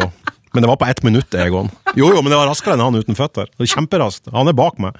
Og litt der føler jeg vi er på det norske landslaget. Dessverre. Dessverre. Dessverre. Da går vi til ukas eh, drømmelag. Heia fotball! Oh, yes. yes. Ah, Nei, dette går, eh, det er veldig tri trivelig å ha deg, Egon Olsen. Det var veldig hyggelig å være her, så det er vinn-vinn for begge to. Så bra. Eh, vi har en fast spalte som heter Ukens drømmelag. Ligger jo litt i overskriften hva dette går ut på, da. Eh, vil du ha noe innføring i konseptet, eller? skjønner Nei da, jeg tror jo jeg vet hvor det bærer hen, ja. Eh, Vi har bedt dem å ta med et eh, drømmelag av en, en, en 11-12 spillere. Er det ofte du ender opp med? Har du, har du gått for noe konsept her på dette laget? Ja, jeg har jo da tatt elleve spillere pluss eh, manager, som er det man trenger for å, for å fullføre en fotballkamp eh, mot et annet lag med det samme. Um, og jeg har da valgt elleve spillere og managere jeg har sett live på stadion, eh, for å gi det litt mer sånn personlig koloritt, og der jeg kan fortelle noe selvopplevd fra hver og en av dem. Så Perfekt. det er på en måte mitt eh, utgangspunkt. Eh, Vil du være eh, straight forward og begynne bakifra, eller? Ja, det kan vi godt gjøre. Eh, Det er et veldig, veldig eh, altså det laget her bærer veldig preg av at jeg har en softspot for eh, forsvarsspillere. Um, oh, det, er- det er motsatt av alle andre ja, alle har, det er alltid spissa og offensive midtbanespillere. har, Kjempebra. eh, Så her har vi da skal vi se, her har én, to, tre, fire, fem, seks. Seks i forsvar. Det er, det er ganske bra. Meget. Hvordan hvordan formasjon har du gått for, da? Ja, det blir jo en slags um, Ja, jeg har ikke gått det der, Vet du hva? Det der overlater jeg til de teite eksperter. De kan få lov å sette opp eh, formasjon. Jeg vil jo bare være eh, supporter, supporter og, og applaudere når det går bra, og Ja. når det går dårlig. Du skal ikke sette opp laget, du skal bare gi folk sjansen. jeg bare vil ha de kule folkene. Det syns jeg det Forsvaret er så bra, at jeg gjør det i likhet med de skikkelig gode managerne, så bygger jeg opp laget bakfra. Eh, Og hvis man da har har et forsvar ingen kan score på, så holder det å skåre ett mål per kamp. Og heller vinne ligaen med ett mål per kamp enn å ha masse sånn hederlige resultater. Ja, deilig kap- 38 1-0-kamper. Ja, Deilig Capello-stil her nå. Ja, helt, helt, helt klart. Og han har jo noen meritter å se på. Ja, ja, absolutt. Eh, Hvem har du i mål? Der har jeg Ray Clemens. Eh, jeg fortalte jo i stad at han er den egentlige grunnen til at jeg holdt med Liverpool. Eh, det er da også sant. Eh, han kom jo til Liverpool fra, fra Scunthorpe, en liten klubb som, som også serverte Kevin Keegan til Liverpool. Mm. så tidlig som i, i, i 67. Eh, og han sto jo da i Liverpool helt til, til 1981. Det er ikke småtteri. Nei, og han var sinnssykt god. Han ville vel hatt veldig mange flere landskamper. Han hadde jo en god del, men han ville vel hatt veldig flere, hadde ikke vært for at Peter Shilton spilte samtidig med han og Ja. tok, tok eh, beslag på, på den plassen. Men i hvert fall i, i 1983 så trente faren min eh, Grann i Bodø. og som en del av betalinga så skulle han ha altså av lønna, da. Det var veldig lite lønn i, i fotballen i Salten på den tida, men eh. Ja. Men, eh, men eh, lønn, en del av lønna skulle ha, det var en tur til Tottenham. Eh, og få liksom møte manager og gå på treningsfeltet og se hvordan de gjorde ting. og sånn. Og så jeg og han og moderen dro til London. Eh, da var jeg det var elleve år, fram på vinteren her i 83. Um, og da eh, var moderen på og shoppe, sånn, så dro jeg og, jeg og faderen til, ut til, til treningsfeltet til Tottenham. Det ble plukka opp husker jeg, på perrongen på noen sånne her T-banetog av eh, Keith Birkinshaw, som da var, eh, var manageren til Tottenham. Han er vel den, fortsatt den mest vinnende eh, manageren. I hvert fall en av de mest suksessrike Tottenham-managerne Det er noensinne. litt problemet til Tottenham, at vi har ikke vunnet så mye. Så det. Nei, men det må man huske på, det her var i, i 1983, og, og Tottenham hadde vunnet FA-cupen to år før. og eh, og det var et fantastisk lag. Uh, og på, på treningsfeltet da, så var jo uh, Osvaldo Ardies var der, Glenn Hoddle, Garth Crooks, Steve Archibald og Steve Perriman. Alle de her spilte jo da for, for Tottenham, og, og så hadde de da Ray Clemens i, i mål. Uh, og jeg havna altså da i den bisarre situasjonen at jeg og faren min og Keith Birkinshaw og Ray Clemens skulle da dra og spise middag etterpå. Hæ? Ja, ja, ja.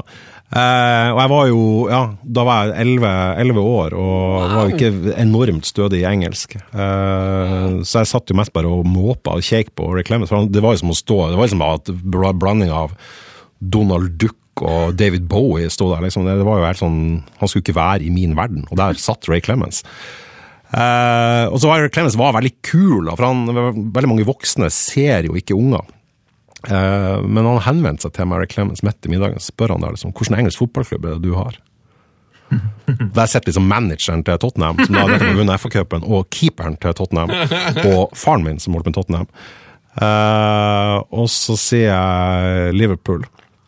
Og så ble det litt sånn, sånn det, det, de to sekundene med før jeg, der jeg tror at alle rundt bordet skal slite hodet av meg. Eh, og så begynner Ray Clemens å flire, og så sier han, eh, sier han eh, det er veldig kult at du holder på klubben din. Og, så, og Liverpool er en bra klubb, jeg har noen fine minner derfra sjøl. Og så klappa meg på hodet. Det var sånn her, det var et øyeblikk som har svidd seg inn i hodet mitt eh, den dag i dag. Og, og jeg husker også at faren min nekta å ta bilde at vi, han ville ikke ta bilde av meg og Ray Clemens sammen, for han ville ikke vi skulle se ut som noen forbanna turister. Vi skulle være vanlige folk som dem også. Og I ettertid så syns jeg det er jævla kult, selv om det svei der og da. så eh, Ray Clemens definitivt eh, keeper. Eh, I forsvar så har jeg gått da for eh, eh, en til keeper uh, i forsvar. Eh, det er frekt. for at uh, han, han kan, hvis hvis Ray Clemens blir skada, så eh, kan, han bare, kan de bare bytte drakt, og så kan vi få inn på en spiss. Uh, og da har jeg gått for en til eh, Liverpool-keeper, nemlig Bruce Grobelar. Oh. Uh, grunnen til jeg valgte han, uh, ville selvfølgelig kunne vært at han vant eh, hva det var for noe. Han vant vel i hvert fall seks ligagull og tre FA-cuper, tror jeg, samt eh, Europacupen i 84, der han sto og skalv på føttene sine. Og millioner hjerte vant han. Ja, vant millioner av penger på sine egne kamper, gjorde han men- Ja, han gjorde også det, men han, han ble frifunnet for en del av de mistankene. Ja, men, men uansett, han hadde vel i hvert fall over 600 kamper for Liverpool, og, og eh, er, er jo en, han har vunnet en, en haug med titler, og er jo legende, er jo en av de største Liverpool-legendene noensinne. Eh, og da vi var, jeg og Joakim var i Soveto i, i, i Sør-Afrika, så skulle vi dra og se eh, England-USA på en eh, stadion som heter Royal Bafokeng Stadium, tror jeg. Hvis jeg ikke husker. Det lå i hvert fall i en by som heter eh, Rosenborg. Eh, og det var mange timers kjøring da, fra Soveto. Så vi be, fikk beskjed om å komme til Johannesburg, som lå et lite stykke unna. Så skulle vi plukka opp der da, av, av en TV 2-reporter eh, og en sjåfør. Så vi fikk eh, skyssa oss inn til, til Johannesburg og ble plukka opp da, av ei som heter Ida i TV 2. Og sjåføren var da Brus Groblar. Hæ?! Ja! Det var jævlig absurd. Eh, og der står jeg og Joakim, eh, og begge to er her Liverpool-supportere, og beider liksom. Vi er født i 71 begge to, og der står liksom helten vår fra barndommen, han Setta, og er sjåfør. Han skal bare- kjøre dere to. ja, for han, skulle, han, skulle, han var han frilanser for TV 2. Da. Han hadde jo sinnssykt lite penger. og Han, jeg, tror, jeg mener jeg husker at han fikk penger, han fikk lønna i sånne brune konvolutter sånn, for at det ikke skulle bli skatta. Det var masse sånn faen. kødd. Men han, vi fikk jo da Og han har jo, han har jo eh, han har jo eh, bodd i Sør-Afrika, han har jo trent lag i Sør-Afrika også. og Han er vel fra Zimbabwe sjøl, så for landskamper for Zimbabwe. Jeg tror han faktisk har en landskamp for, eh, for Rhodesia også. Uh, så han kjente jo veldig godt til landet, og han var sjåføren vår, så han tok en masse omveier og visste oss og pekte på elefanter og alt mulig. Og så og så og vi spurte han masse spørsmål om Liverpool-tida, han svarte masse, og jævla jovial og sånn. Og når, når vi da kommer bort mot, når vi begynner å nærme oss stadion i Rosenborg, så, så, så er det plutselig helt sinnssykt mye politi og sånn, for det her, er jo- det her er jo USA mot England. Ja. Så det var den kampen i, i, i Sør-Afrika i 2010 der det var mest sikkerhetsoppbud. Så det var bare så sjukt mye militære og politifolk og alt. Og Bruce Grublar er jo frekkere enn flatlus, så han la seg bare midt inne i eh, en klynge mot po- politibiler. Så veiv han ned vinduet, og så ser han en, av politiene ser at det er Bruce Grublar. Og bare å herregud, hold on, for det var ikke så lenge til kampen. Så vi får da politieskorte eh, fra det verste rushtrafikken og inn mot stadion, eh, til vi kommer til et punkt der vi blir bedt om å stoppe. Og så veiva, kommer det en sånn svær, svær svart eh, sikkerhetsfyr bort og bare ber oss om å pelle oss unna. Så sier Bruce Grovlar, excuse me, Uh, we're here on the behalf of the prince Bogabok, eller et eller annet sånt. Så det lot som vi var representant for noen sånne her kongelige eh, folk han visste hva heter da. Og da bare åpna det seg. Som vi, det var, plutselig så var vi i Moses i Rødehavet. Og han kjørte Brøst Blad, han kjørte helt inn til, altså forbi alt av sikkerhetssperrer, helt inn til stadion der spillerne kommer ut. Og der gikk vi av bilen. Så var det noen som ga meg nøkkelen til noen som parkerte for oss. Og bare løy seg inn, sånn skikkelig sjarlatan. Eh, og så gjorde Robert Green en tabbe, og, og det ble 1-1. Siden Gerrard skåra vel etter fire minutter, tror jeg. Og så ble vi kjørt hjem igjen av Bruce Grublar. Men det var den turen der var helt eh, Det var som å sitte inne i en godtebutikk, og det aldri ble fritt. Det var helt, helt, helt fantastisk. For en tur. Ja, ja helt fantastisk. Eh, det blir ikke bare Liverpool-spillere for de som er engstelige for det. Så jeg, jeg har jo da tatt med i Forsvaret har da tatt, tatt med Tony Adams. Uh. Eh, og Der har jeg ofra Sami Hypie, bare for å vise litt eh, storsinn. Jeg må jo ta spillere jeg har sett, eh, det som er premisset mitt. Ellers hadde jeg vel tatt Alan Hansen. Eh, han var jo så kul at han kunne nesten tenkt meg å, å ligge med, eh, selv om jeg er veldig heteroseksuell. Eh, jeg ville ikke ligget med Tony Adams. Um, Nei, det kan jeg godt se. Eh, men grunnen til at jeg valgte han, det var at jeg huska han, at han var liksom alltid i veien for laget mitt, og at jeg hata han. Han liksom, men så var han liksom sånn selve inkarnasjonen på en engelsk midtstopper. Sånn svær, stygg, kaklende gal. eh, og spilte liksom, i Arsenal fra 83 til 2002. eller sånt. Han hadde vel over 650 kamper for Arsenal. Eh, og var en sånn one team man. Spilte kun for én klubb. Eh, og så er man liksom nødt til å respektere toppidrettsutøvere med et større alkoholinntak enn Shane McGowan. Ja. uh, så Rune Bratseth, ta deg en kjeks. Uh, Tony Adams er liksom den rake, rake motsetninga.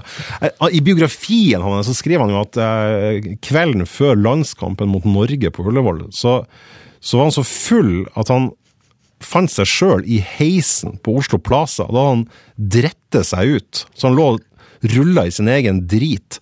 Eh, og dagen etterpå så står han da som midtstopper og kaptein på England tar imot vimpelen og hilser blidt på og tar da den norske kapteinen i handa med ganske fersk egen avføring på nylig vaska av, og, og spiller en, en bra kamp. Så klart, alle ville ha, elska å ha Tom- Tony Adams på laget sitt. Derfor har jeg også valgt å ta han med, og han har jeg sett live én gang. Åh, fy fader, altså. Tony, Tony. Så har jeg da tatt eh, Fabio Canovaro.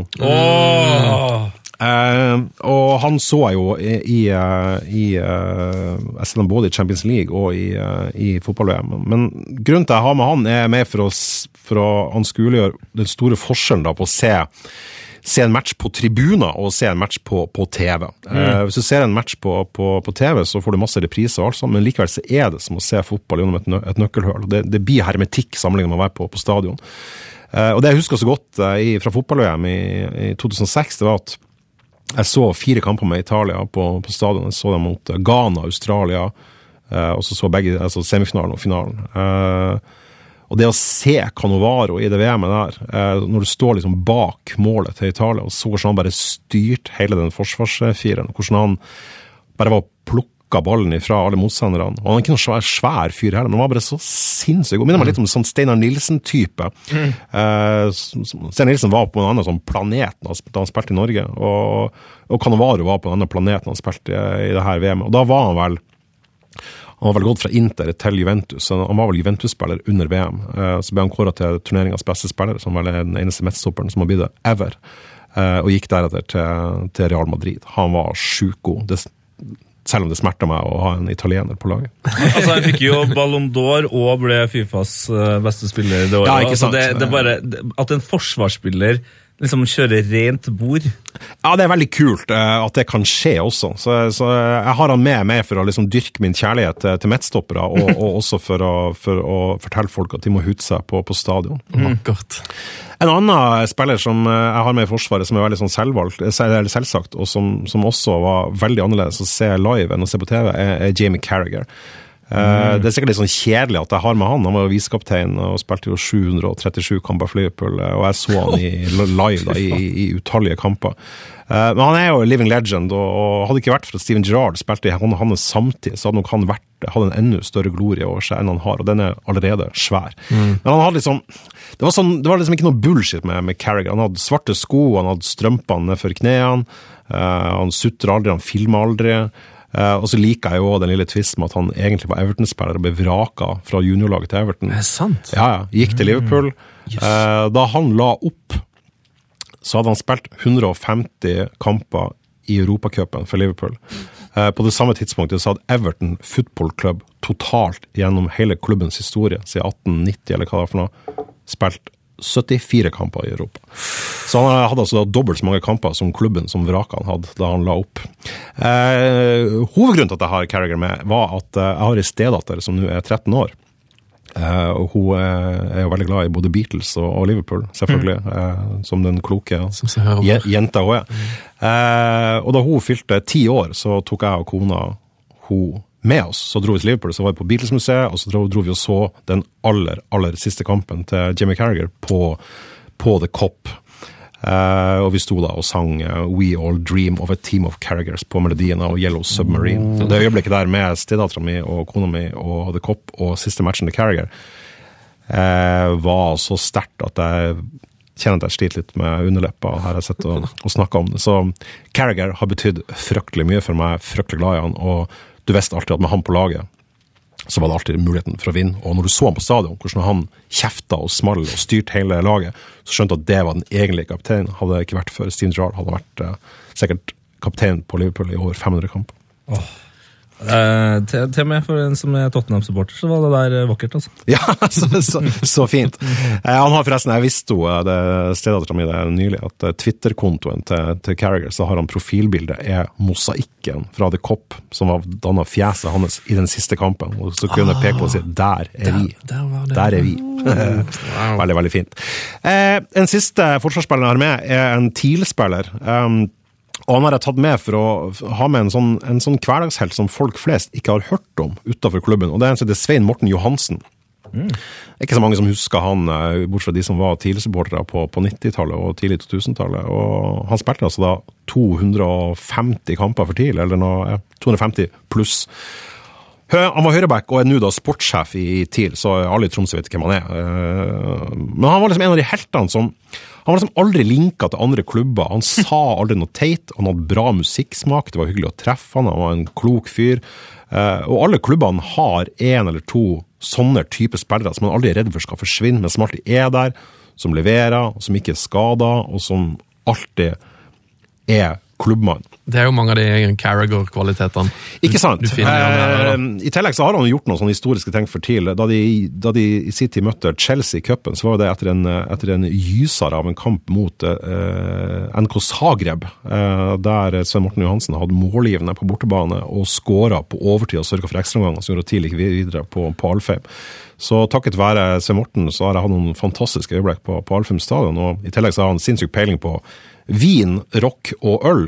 Og, og hans venn Thomas Tøllefsen, som er den keeperen med flest um, A-kamper for TIL ever, som så var de veldig gode venner. Så var det, gikk de da masse på platesjappa mi, og det var Thomas Tøllefsen som tipsa meg om White Stripes før noen i Norge hadde hørt om det. Takket være at jeg kjente han seg Morten, så fikk jeg kjenne han, og så fikk jeg vite om White Så alle ga meg, alle huska at det var jeg som pusha White Stripes i Tromsø før noen, men det var altså keeperen på TIL som var den egentlige, egentlige grunnen, og indirekte da Svein Morten Johansen. Svein Morten Johansen en fantastisk fyr. Han hadde gjerne dratt på, på ferie med, og det kan jeg ikke si om så jævlig mange fotballspillere.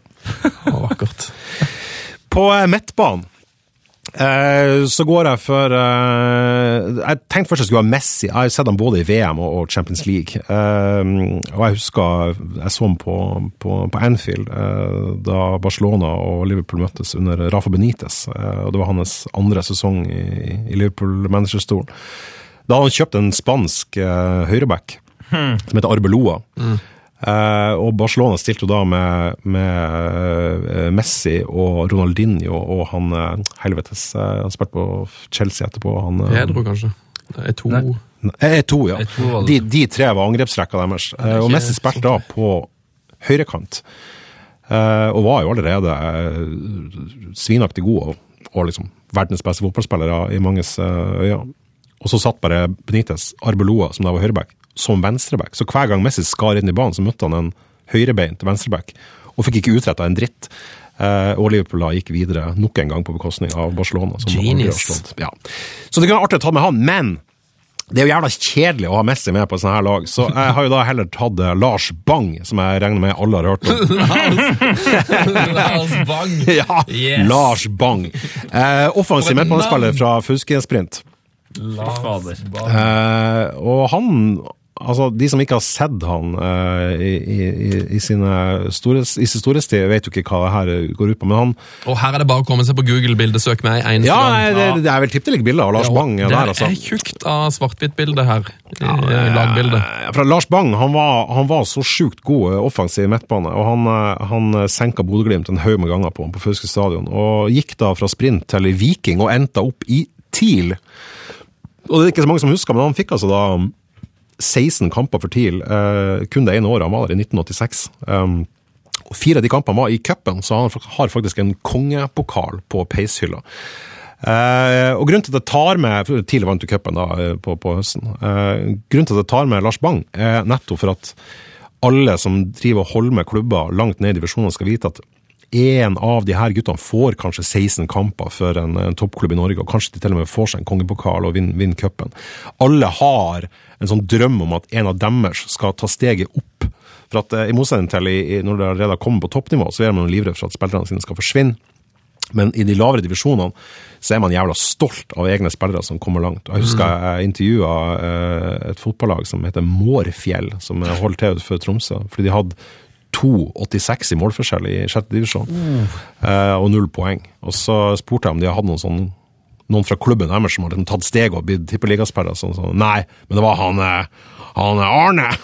Han hadde liksom, han hadde kommet seg til Finnsnes! Og de var dritstolte av han Arne som hadde gått til Finnsnes, eh, og som liksom var deres Klausenengen Solskjær-øyeblikk. Så um, Lars Bang, definitivt. Senka Bodø-Glimt, spilt på TIL, cupvinner, legende. Han må med. Jeg holder mest på benken, han. Ja, ja, ja men Ja, ja. han, eh, han eh, Dere dere så han faen ikke i sin storhetstid. Altså. Han, eh, han var jævlig god. Eh, så er det jo selvfølgelig det mest opplagte og kjedelige valget her er jo Steven Gerrard. Jeg, jeg skjønner at folk bare sånn mukker og tenker 'å, herregud, hvor kjedelig'. Eh, grunnen allikevel er Han spilte jo 710 kamper for Liverpool og skåra 190 mål, eller noe sånt. Eh, og jeg tror ikke jeg tør å si offentlig hvor mye jeg verdsetter Steven Gerrard som menneske for det han har gjort på fotballbanen. For at, altså, uten han, og det han har gjort så hadde livet mitt vært så utrolig mye kjipere. Eh, at uh, selv på et middelmådig Liverpool-lag klarte han å, klart han å å vinne Champions League. og Han, han var i, involvert i tre ligatittelrace som var helt, helt til døra. Eh, og han uh, Jeg var så den FA Cup-finalen i 2006, da han, uh, da han spilte den, kanskje den beste enkeltmannsprestasjonen i en FA Cup-finale. Mot. Westham, eller? Mot Westham, ja. Ja, da var han jo helt sinnssyk. Ja, han var helt sjukt god da. Og da. Jeg var på stadion da og gråt da, og glede da han løfta pokalen på slutten der. og ja, jeg jeg har sett han i masse finaler, sett han i masse kamper. og jeg, Trenger ikke noe mer forklaring på Steven jeg- Gerrard. er han, eh, Steven Gerrard utfordra de heteroseksuelle eh, holdningene mine. Og, og i tillegg, og det er kanskje det viktigste her Vi må ikke glemme da at Steven Gerrard slo ned en DJ. Hæ? Eh, Det var jo masse, det var jo masse, det ble jo rettssak og alt mulig, og der var det sikkert noen som var betalt litt ekstra penger og sånn. Og den offisielle versjonen var at Steven Gerrard hadde, eh, var så sur for at DJ-en ikke ville spille Phil Collins, at han, slo, at han slo han ned. Men det der er jo bare bullshit. Det alle vet, det var at DJ-en spilte Phil Collins, og derfor slo Steven Gerrard han ned. Steven Gerrard hater selvfølgelig Phil Collins, han elsker jo The Stooges. Eh, så tenk, Steven Gerrard, verdens beste fotballspiller, slo ned en DJ som spilte Phil Collins. What's not to love? Jeg kjenner at jeg, altså, jeg digger jo både The Stooges og Phil Collins, jeg vet ikke helt hvor jeg skal holde meg her. Digger, men... du digger Phil Collins og The Stooges? Å ja! Må, du, her, må du ta, her må du ta noen valg, gutt. Nei, det Nei, du, skal du, det skal du få lov til. Men det, for det, det, det, men det er nesten det samme som å si at du liker Leeds og United. Men, Ja, eller Leeds og Manchester United. Men eh, ok, du skal få lov. Skal få lov. Jeg, jeg er raus i dag. Tete er trommeslager, da, så han har jo han har et spesielt forhold til, til, til trommeslageren Phil. Jeg trodde også at Phil Collins Fram til jeg var 11 år, så trodde jeg Phil Collins var min onkel, for de er helt like. Å, å, herregud. Håper jeg aldri møter onkelen min. Blir jeg banka han og sier 'hilsen Steven Gerrard'. Slår han halvt i hjel. Eh, den, eh, den tredje jeg har på midtbanen, er er Zinedine Zidane. Eh, Det er ikke for at han var så jævla god, Eh, han var jo det. Eh, Jeg så han kun eh, i fotball-VM. Eh, Så holdt to kamper med han. Så han i semifinalen mot eh, Portugal. Da skåra han eneste målet, som var på straffe, eh, i München. Eh, og Frankrike gikk videre til, til finalen. Så skulle jeg og Joakim på finalen. Vi var, vi var jo da og skulle skrive den evinnelige boka. Og Um, eh, plutselig var det masse masse, masse italienere i Tyskland. De hadde ikke vært der tidligere i turner- turneringa. De er ikke spesielt nasjonalistiske i Italia før de begynner å komme opp i semi og, og finale. Og plutselig så var hele svartebørsmarkedet fucka opp. Det var umulig å få billetter. Eh, så vi dro veldig tidlig opp til stadion i, Berlin, til Olympiastadion. og og svirra rundt, og det var ikke mulig å oppdrive billetter til, fornuftig pris. Og vi til slutt ringte han Erling Kagge. Altså, vi, det er ikke, altså, det, de billigste billettene koster 12 000 kroner per stykk. Uh, så sa han ja, kjør på. Så vi kjøpte to billetter til ca. 25 000 Uh, på regninga til Kagge forlag. Og, og eh, når vi da kom inn på stadion, så var vi så jævla lett, da. Men da var det jo seks timer til kampen skulle begynne. Så vi satt på, sånn gress, på sånn, sånn gressplene eh, ut- utenfor stadion og begynte å drikke øl. Ja. Så var det jævlig varmt. Det var sånn hetebølge i Tyskland. Da. Og da kampen da, Jeg husker det, da hun der Shakira begynte å spille. Hun spilte på stadion. Vi orka ikke å se det her, eh, det her, det her seremoniopplegget, det verste som finnes i hele verden. Eh, Så Shakira begynte å synge der 'Hips Don't Lie'. Og da skjønner vi at å faen, det er, liksom, eh, det er en halvtime, tre kvarter til kamp. Eh, og oppdaga da plutselig da at vi er jo dritings. Eh, og sliten, og hadde vært liksom i fem uker og kjørt eh, bobil og spist pølse og drukket øl. Og var blitt så glad for vi hadde kommet inn at vi hadde glemt å holde igjen. Uh, og jeg har migrene, uh, som jeg får når jeg er veldig stressa. Sånn. Men det hadde vært så mye stress at jeg hadde ikke liksom fått tid å kjenne på det der engang. Og da kicka den inn. Eh, og det som skjer i mitt tilfelle, er at jeg får ikke så jævla vondt i hodet som de som er ordentlig plaga får. Jeg får bare, jeg mister synet. Så når de leser lagoppstillinga, så er jeg da blind og dritings. Eh, og vi hadde fått en plass eh, på ene kortsida bak det ene målet, eh, så måtte gå i masse helvetes trapper og sånn. Og det her er en stadion som ble bygd av Hitler.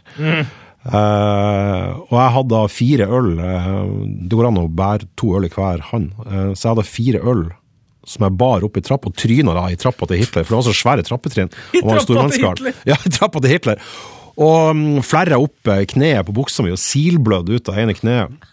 Uh, og kommer da opp til han Joakim med det ølet etter å ha fikk liksom rota meg frem. Jeg Så, Migrenen fungerer sånn, jeg ser ikke det jeg ser på, jeg ser bare det som er på sida. Så hvis jeg ser en av dere i ansiktet, så ser jeg bare ørene og håret deres. Så jeg drev og tryna opp gjennom trappa og blødde og, og var helt, helt, helt urovekkende drita. Uh, og setter meg ned og skal se denne kampen, uh, som er VM-finale. Uh, og Frankrike spiller mot det, må, det målet vi står bak. Helt, helt, helt, helt, helt øverst. Jeg hadde ikke klart å kaste en stein på målet fra der jeg sto engang. Og, og der skåra da Zidane eh, den straffen mot eh, Buffon, der han, han lobba den i felgen. Ja, ja. Vi sto bak målet, så vi, vi måtte begynne å sende tekstmeldinger til Norge for å vite om ballen var inne eller ikke. Og vi var på stadion. Måte på vapp. Eh, og, så- og så, var jeg, eh, så så jeg dobbelt også, for jeg var så full. Eh, når, så når synet mitt begynte å komme sånn noenlunde tilbake, for jeg pakka i meg en haug med migrene, eh, med, med Paracet for å få den migrenen under kontroll, eh, så holdt jeg meg for det ene øyet. Men da fikk jeg jo alltid mono, så du mista alltid dybdesyn. Så var det jævlig langt opp på, på Olympiastadion, så det ble utrolig skummelt å sitte her oppe. Eh, og så var det 1-0 til, til, Frankrike. Og så skjer det et eller annet på banen. eh, skjønte ikke at det hagla inn tekstmelding. Folk spurte hva skjedde. Vi skjønte ikke en dritt. Og først etter kampen skjønte vi hvorfor Zidane ble utvist. Så du, du fikk ikke med deg det? Nei, jeg var der. Altså, jeg var til stede der det mest omtalte øyeblikket i VMs historie skjedde, og jeg så det faen ikke, for jeg var så full og, og var blind.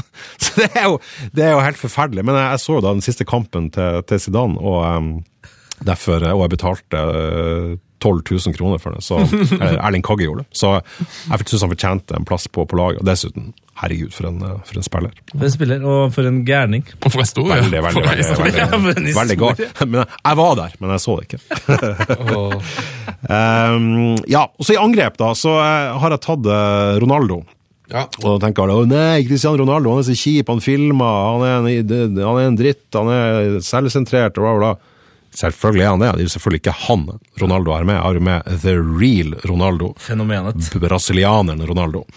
Um, jeg har jo sett begge Ronaldoene live, eh, både i VM og, eh, og, og i Champions League og i Premier League har jeg sett Cristiano Ronaldo. Uh, men det er jo den brasilianeren jeg har tatt. Vi, vi må liksom ikke glemme hvor sjukt god han faktisk var. Eh, og i 2006 så ble Ronaldo tatt med helt sånn etter siste laguttak, eh, egentlig stikk i strid med hva, hva treneren har lyst til. Uh, for det var nærmest et sånn folkekrav til han skulle spille VM. Uh, og vi så da eh, Brasil eh, mot eh, Australia, der skåra han ett mål. Og så så vi han mot Ghana i åttendelsfinalen. Der han skåra et helt vanvittig eh, bra mål, så han regna med keeper. Årstegsfinte, klassisk Ronaldo. Og det var da det som da var VM-rekorden eh, noensinne. Han slo Gert Müller sin rekord der og da. Um, og det hadde vært masse sånn at han var for tjukk og, og en så utrent tjukkas har ingenting på Brasil å gjøre. Men han sendte dem videre til kvartfinalen, og det jeg husker jeg tenkte var sånn hvem faen bryr seg om han ser pikken sin når han dusjer, så lenge han scorer og tar rekorder. Eh, så han var tjukk, ja, men han var jævlig god, og jeg digga Ronaldo. og Både perioden hans i, i Barcelona, Inter og, og Real Madrid, var, da var han på et sånt nivå som er ikke ligner grisen. Og de unge som hører på, ta og søk opp et YouTube-klipp og skrive, skrive Ronaldo Brasil. Ja. Eh, det ligger også noen, Han spilte jo i PSV, der skåra han ett mål per kamp i de to årene han var der òg. Ja, han, har, han, har noe, han har noen overstreksfinter i Inter spesielt. der, Altså det, Ja. sånn, altså han kunne ha veid 300 kilo, han tar fortsatt overstreksfinter fortere Ja, jeg tror det. Han var, alle fotballspillere. ja, han var helt sjukt rask også. Eh, og, og en vanvittig kul eh, sånn spillertype. Altså. Han var bare sånn der, Jeg digga, jeg digga han. Og når han der jævlige slimtassen kom fra United til, til Real Madrid som også heter Ronaldo, så forlangte, jo, så forlangte jo han å bare ha Ronaldo på ryggen og ikke se Ronaldo, for han skulle liksom være Ronaldo. Men da har du skjønt så fuckings lite. Så fuck you, eh, Cristiano.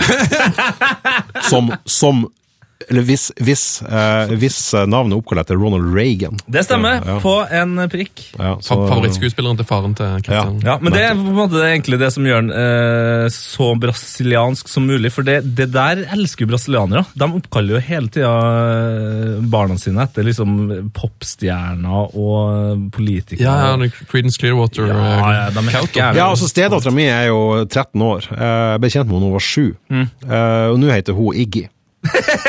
Så jeg hun har da tatt Jeg har da endra navnet hennes til, til Iggy, av av samme grunn. Eh, Nei, du men, jeg, kan, jeg kan jo ikke si navnet hennes på, på, Nei, på radio. nei, det er mer- mer-. Men uh, har, du har plass til bare én spiste, eller? Ja, eh, og da, det syns kanskje folk også er litt sånn kjedelig valg, men det er, det er ikke kjedelig, jeg lover det. Så gir jeg meg bare et par minutter her. Det er da Sigurd Rushfeldt. eh, eller, eller, eller, eller Rusfeldt, som eh, noen sier. Eh, Sigurd Rushfeldt var eh, var så god at eh, det var teit. Eh, han, eh, han er vel kanskje mest kjent for to ting. Altså, en er jo perioden hans i Rosenborg, han skåra 66 mål på 67 eh, seriekamper, eller noe sånt. Så bra, det. Eh, ja, som er helt ellevilt. Eh, og det at han tok den skåringsrekorden i, i norsk toppdivisjon med, med 172 mål. En rekord som for øvrig aldri kommer til å bli slått. Eh, av den enkle grunn at neste gang noen er så god som han, så kommer de til å spille mest i utlandet og ikke rekke å skåre så mange mål i Norge. Um, personlig, min, altså min grunn til at jeg tar med han her, er jo det at, selvfølgelig at han var jævlig god. Jeg husker da han kom til TIL og var kjempeung uh, og helt vanvittig god. Uh, men hovedårsaken er 27.10.1996. Uh, det er ikke noe jeg har slått opp på Wikipedia, eh, det er noe jeg vet, for det var min 25-årsdag. Eh, og da spilte TIL cupfinale mot Bodø-Glimt. Oh, ja, okay. Eh, og da var jeg da som TIL-supporter fra Fauske, født i 71, så tror jeg jeg, jeg holdt jo med TIL mye mer enn hele Tromsøs befolkning til sammen. Uh, og Sigurd Rushfeldt skåra da Eller først hensa Runar Berg inn. Uh, han hensa ballen og ga målgivende sånn at det ble 1-0 til Glimt, og så skåra da eh, TIL igjen, og så på overtid, da, så eh, Eller nesten på overtid, så oppheva eh, Sigurd Rushfeldt de fysiske lovene. Han ropte bare 'fuck Isaac Newton', hang i lufta i flere minutter og stanga inn Det var den siste ballberøringa av den matchen. Tidligere var den 2-1, og matchvinneren var han som oppheva de fysiske lovene, og het Sigurd Rushfeldt. Det var kanskje det største, største kicket mitt i norsk fotball ever. Det som var morsomt, da, var at jeg, jeg, var ikke i Oslo så den kampen, jeg var hjemme. Eh, Så jeg dro ut på Blårock, eh, et utested i Tromsø. Jeg var med og, og drev i masse år. Og Da viste det på storskjerm. Eh, og da han Sigurd skåra vinnermålet, så hoppa jeg med, Altså, jeg hadde mer spenst i meg enn jeg trodde. Jeg var blitt ganske mye mer kvapsete enn jeg var da jeg spilte fotball. Men jeg, jeg fløy da, jeg flaksa over et sånt gelender, og så tryna jeg med hodet inn i veggen. Så jeg fikk en sånn Donald-kul i hodet som jeg hadde i mange uker etterpå. En nydelig, deilig påminnelse om det som har skjedd. Pluss at jeg fikk en lyskestrekk, så jeg halta i en måned etterpå. Så den siste idrettsskaden jeg fikk, er Sigurd Rushfeldt sin, og, sin, skyld, og jeg elska det. Uh, I tillegg benytta jeg da anledninga til å minne folk på om at Sigurd Rushfeldt er veldig, veldig veldig, veldig upålitelig. Han ville ikke hatt med meg i en båt. Han var altså da Liverpool-supporter i masse år, og bytta i voksen alder til Chelsea. Nei, er Wow! La oss ikke glemme det. Jeg intervjua han, han i, eh, i avisa om det her, uh, og han sa jo etterpå at det er noe han angrer mest på. Det var at han sto frem med det der, for han fikk jo så mye pepper for det. Men hva, hva var grunnen til at han bytta, da? Eh, Grunnen var ganske velfundert, eh, selv om den er avgjørelsen er irrasjonell. Men det var det at han, han hadde møtt Liverpool flere ganger, flere ganger i sånn, eh, som vennskapskamper, både med landslaget og med, med TIL. Um, og med Rosenborg òg, tror jeg. Og de hadde vært så jævla dårlige. så, så han bytta da til, til Chelsea. Og husker da Chelsea slo Liverpool i, i FA Cup-finalen, så fikk jeg sånn mobbemelding fra Sigurd Rusfeldt. Jeg ble, så ble jeg jævla provosert. Jeg fikk- jeg fikk lyst til å gå, gå og gi han juling, men det, det, det, Det gjør man ikke. Nei, jeg hadde jo fått juling av Sigurd. Han er jo, jeg, jeg tror jo fortsatt han er Norges beste spiss, og jeg mener fortsatt at TIL burde ha brukt han. Han har kommet til å skåre 15 mål i sesongen. Ja, faen, altså, eh, så Landslaget burde bare alternert uh, Rushfeldt og Johnsen på topp, så hadde du faktisk Ja, ja. eh, vunnet noen kamper. Ja, ja. Og så er det et eller annet kult med sånn fyr som kommer fra, fra Vadsø, og som, som ender opp med å spille i et fotball-VM i, i Mexico. Det er noe, sånn, det er noe kult med det. Og han spilte jo på kanskje det beste Rosenborg-laget man har sett. og Da var, jo, var Rosenborg så god også at han trengte ikke å gjøre noe defensivt. Han sto bare på topp der og peisa inn mål. Men det jeg husker best med Sigurd, det der alle de dritkampene TIL hadde mot sånn Kongsvinger og sånn, og i, i høstsnø og i det 86. minutt på 0-0, liksom, så river han seg løs fra to forspillere og dunker ballen inn. Og så, så TIL vinner 1-0. Og, og, og, ikke minst det at han, eh, at han kom tilbake til, til, Tromsø mens han fortsatt var god. Eh, I tospann med, med, med, Ole Martin Årst, som også er en jeg ville ha vurdert å ha langt, langt, langt opp på lista. Nydelig. Nydelig. Da har vi da kommet til, til manager, eh, og da har jeg valgt eh, Roy Hodgson. Oi! Hæ? Altså, som gjør at Hvis han blir landslagstrener, så skal du da legge ned ditt, din landslagsinteresse? Nei, det er mer for å bruke anledninga til å fortelle noe, noe selvopplevd med, med, Roy Holsen. Som jeg, jeg snakka i stad om mitt absolutte toppunkt i livet. Der jeg lå og hadde krampe i ørkenen utenfor Atatürk stadion i mai 2005. Nå skal dere få høre om mitt absolutte bunnpunkt i livet. Deilig å slutte på bunnen. Ja. Eh, vi hadde vært i Sør-Afrika. Jeg og Joakim bodde inne i slummen i Soveto i, i, tre uker. Og, eh, og, en av de som bodde der, var en skikkelig sjarlatan. Han heter Finni. Uh, hei, Finni, hvis du hører på podkast i, i, Norge. En skikkelig banditt. Han var uh, 23-24 år og har allerede sittet flere ganger i fengsel. og sånn. Og han, han ville starte et sånn, sånn turistguide-service eh, når han ble stor. Så han ville ta oss med på den første turen. Sånn guiding i Soveto. Vise oss sånn rundt. Eh, og det syns vi hørtes ut som en god sånn bloggidé å skrive om, så vi ble med han på denne turen. Uh, og Vi starta i, midt i Soveto, og, og så venter vi på vi, vi, visste jo at vi bodde ganske nært der Nelson Mandela og Desmond Tutu hadde vokst opp og sånn.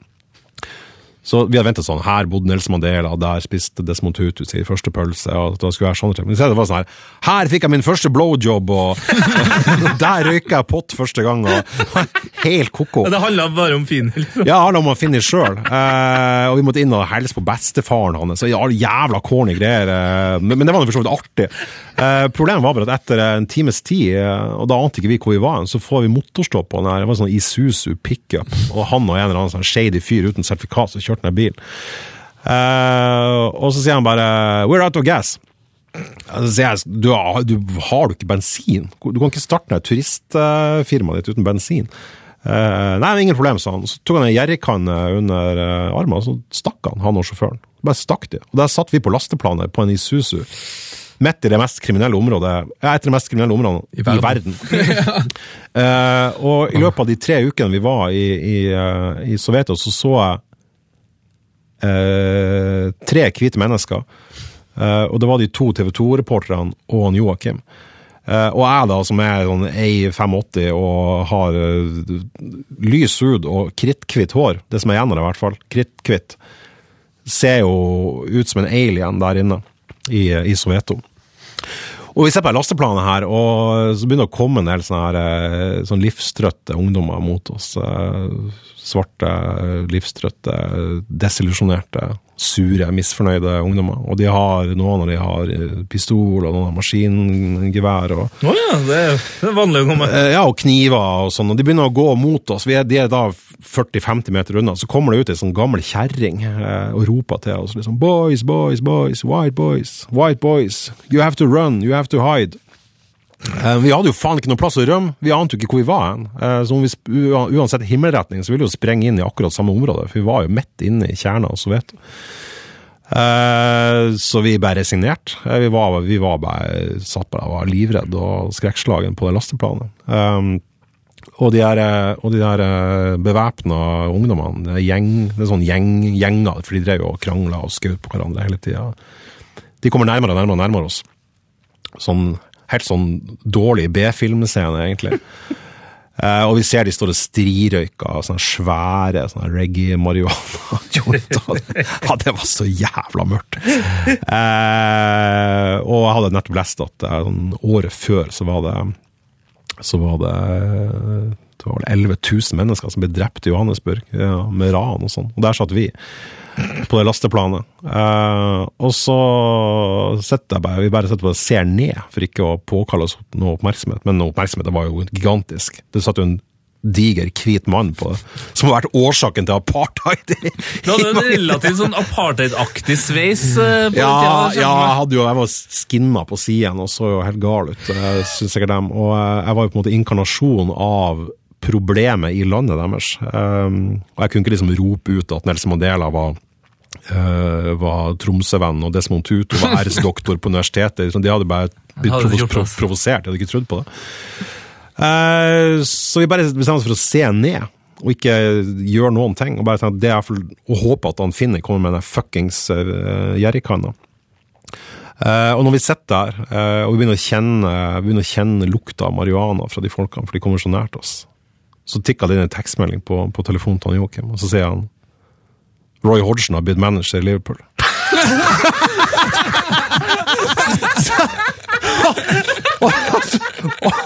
Og av en eller annen grunn, jeg vet ikke om det var galgenhumor eller hva som tok meg, så sier jeg til Joakim ja, vet du hva, nå kan de faen meg komme og skyte oss.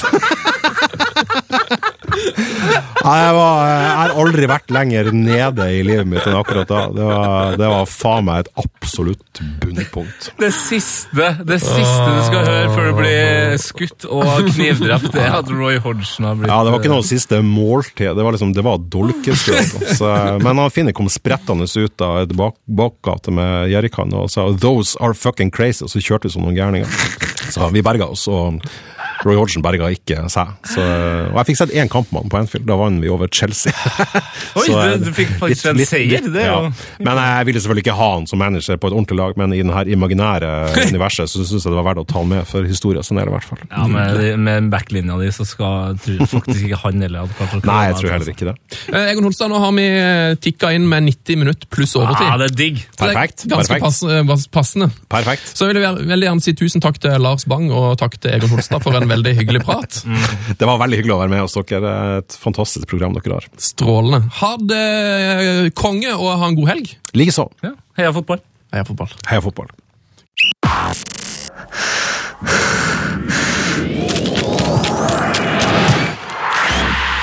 P3s Heia fotball med Tete Lidbom og Sven Biskår Sunde. Oh yes! Det var koselig. Oh yes. Det var veldig koselig, dette. Det var veldig koselig. Jeg tror um, Den historien til slutt der Den på en måte oppsummert eh, det meste. Ja, Det var en strålende gjest. Eh, utrolig deilig å være tilbake og lage podkast igjen. Um, jeg, har lyst til å bare fortelle litt mer om hvorfor vi har vært vekke så lenge. Ja. Det, Altså, du har jo, Tete, det er veldig mange som lurer på øh, hva som har skjedd med deg. Ja nei, Du har jo altså vært sjuk. Ja, Jeg har vært eh, veldig syk. Nei, det, jeg tror det starta med den her um, den her, eh, utrolig merkelige situasjonen som skjedde i sommer. Da jeg, altså, det var en hund som sprang på foten min. Eh, så fikk jeg et kutt i foten, og så gikk jeg på krykka. Og takket være en eh, elendig lege på Rena, Mm. så gikk jeg på krykka i seks uker istedenfor én. For han sydde da det her eh, hundekuttet. Det skal man ikke gjøre. Og så, eh, rett etter det, så spilte jeg fotball, var i bedre form enn jeg kan huske at jeg har vært på lenge. Og så røyker jeg da eh, både muskler og eh, sener Ja. i leggen. Det gikk en nye seks uker på krykka. Og hadde gips og eh, ja, ikke sant. Foten var i ro i godt over tolv uker der. Og det var da du fikk blodpropp i lungene? Mest sannsynlig så fikk jeg blodpropp i lungene av den grunn, eh, og i tillegg eh, klarte å smelle på meg en lungebetennelse. Om det var av blodproppen eller ikke, det vet ikke jeg. Men det var i hvert fall eh, da alt det her skjedde, så ble det da et lungeinfarkt mens vi da spilte inn podkast med Staberg. Ja. Og det, ja, jeg ser jo på, øynene dine at du husker jo den her podkasten som altså det, det var, Traumatisk. Det, ja, det ble henta ambulanse på jobb. Ja, altså, eh, Vi satt her, spilte inn podkast med Per Ivar Staberg. Vi hadde vel snakka sammen i et kvarter. og jeg merket, eh, For du pleier jo ofte å sitte og liksom nesten dirre borti stolen din der, og liksom og glise og, og er interessert i hva folk sier, og liksom ta ord og, og gir av det sjøl. Men den dagen der så var du du bare satt og bare åh, uffa deg og liksom eh, Jeg hadde litt vondt. hadde litt vondt, og så plutselig sier du bare jeg må, jeg må ta en pause. Og så gikk du rett i bakken og bare falt om ute i, ute i kontorlokaler. her. Ja, eh, det, det er blitt fortalt etterpå, som jeg er veldig stolt av, og som folk må huske på. eh, når man sjøl får det vondt. Mm. Jeg la meg sjøl, selv, selv om jeg da falt om, rett i stabilt sideleie. Veldig bra. Ja. Og det øh, lærte jeg òg, at jeg vet, hvordan, jeg vet ikke helt hva stabilt sileie er. Så Nei. jeg merker at jeg, jeg tror jeg bør ta med et, sånt, et slags førstehjelpskurs snart. Ja. For jeg visste ikke hva, hva som var lurt å gjøre. Eh, heldigvis var det jo ikke livstruende for det sånt du strøyk med. Men hvis du hadde fått hjerteinfarkt, eller sånt, så hadde ikke jeg gjort riktige ting fort nok til å liksom kunne hjelpe deg optimalt, tror jeg. Nei. Nei, men så, så det har på en måte vært grunnen til at jeg har vært uh, bort så fryktelig lenge. Takk til, til Henning Rå, som har vært uh, min innbytter. Mhm. det, det setter jeg stor pris på. Veldig hyggelig at han kunne stille opp på Ja, ja, ja, så kort varsel. Men, eh, du, men du er tilbake på jobb veldig fort, for jeg, jeg tenkte sånn To eh, lunginfarkt Nei, to, to blodpropper, lungeinfarkt og vann på lungene og lungebetennelse. Mm. Det, burde, burde du ikke vært sykemeldt mye lenger? Er, er, Jo, men, men det er jo det er så kjedelig, vet du. ja. Altså, det altså Jobb Mm. er det gøyeste som fins. Jeg har jo en idiotisk jobb. Det, jobben er jo hobbyen og jobby og det som er. Det er Folk sant. vet jo det her. Så hvis jeg ikke er på jobb, så får jeg på en måte ikke hørt nok musikk og sett eh, og snakka nok fotball. Det, så det Så du måtte tilbake. Ja, vi var innom på Per Ivar Staberg Eh, Han var jo gjesten da han du fikk infarkt. Mm. Eh, og eh, Per Ivar Staberg han har sagt ja til å komme som gjest igjen snart, så Ja. da, da, blir, da blir det sikkert en god evaluering av det som skjedde. Skal, kan la den ligge litt nå. Men eh, jeg tenkte bare at vi kunne jo ta for oss en konkurranse vi har hatt på Facebook som går på dette med gjester. Ja, men Kjapt før det. Ok, Altså, du har jo også vært på en måte bort lite grann nå. ja.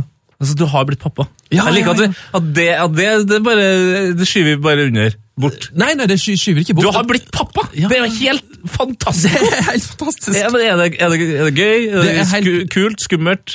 Ja, men um, det er helt uh, det, har vært litt, litt skummelt og veldig, veldig veldig kult. Eh, men eh, nei, det, de, de sier jo at du blir en forandra person, vet du. Ja. Det stemmer. Jeg, jeg, jeg kjenner, på det. Det har, har, det har, skjedd, noe, det har skjedd, skjedd noe kjemisk med meg. Jeg har blitt Ja. litt annerledes, tror. Men Tror du det er fordi at du har blitt pappa, eller fordi at du feira julaften på sykehuset?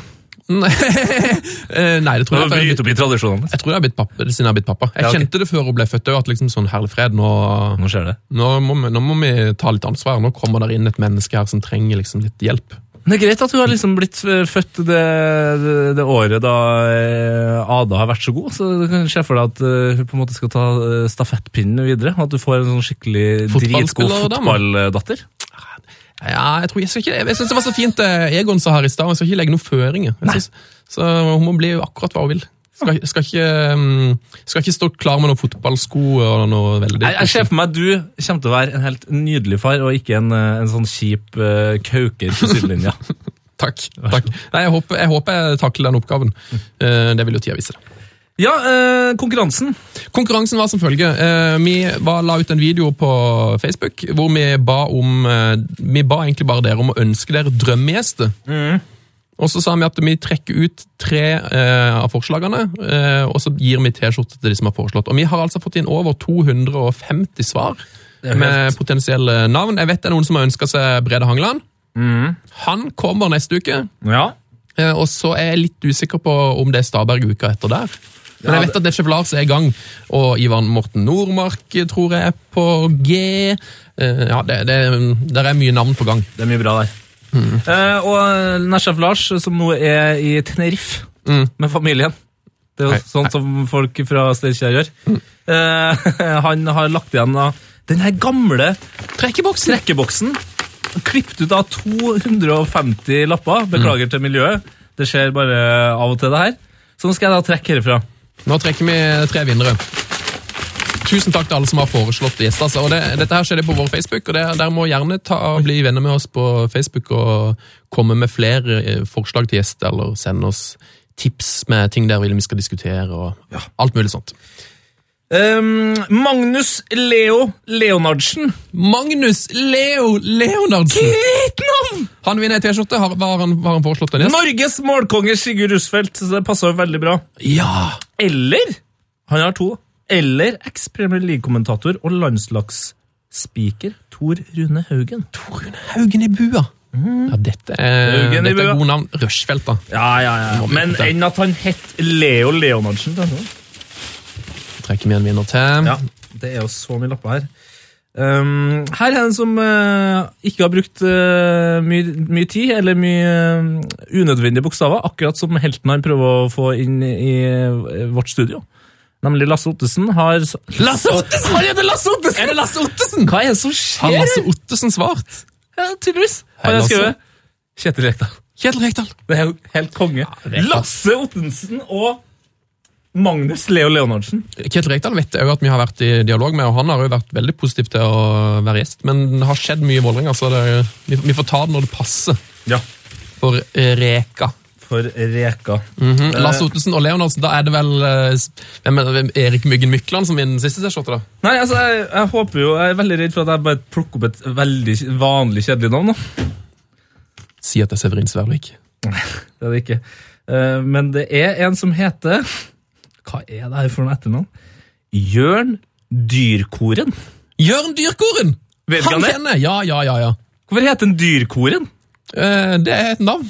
Jeg tror, jeg tror han er kompis av Netchef Lars. Du, ha- Da må vi trekke en fjerde. Kan ikke ha kompisen til Netchef Ok. Lars. For, eh, da må vi gi ut fire skjorter. Han skriver i hvert fall Paul Gascoigne. Det er jeg helt enig i. Åh, det er greiest. Ja. Vi må jo prøve å få noe internasjonal gjester òg snart, syns jeg. Ja, Det får være et mål for 2017. det mener jeg òg. Ok, siste, siste vinner. Vi har jo nok eh, Nok skjorter til det. Thomas Slåtte. Fint navn, det òg. Har skrevet Å, fy fader! Har han skrevet 'fy fader'? Nei, nei, han har skrevet Balla Garba og Jesper Mathisen samtidig! Den er god. Ja, jeg kjenner jeg blir sliten av tanken, men eh, ja, det, gjerne det. Gjerne det. Dere får alle en eh, T-skjorte i posten. Det gjør dere. Ja. Da sier jeg bare um, Charles Berstad, sendt fra min iPhone. Michael. Michael.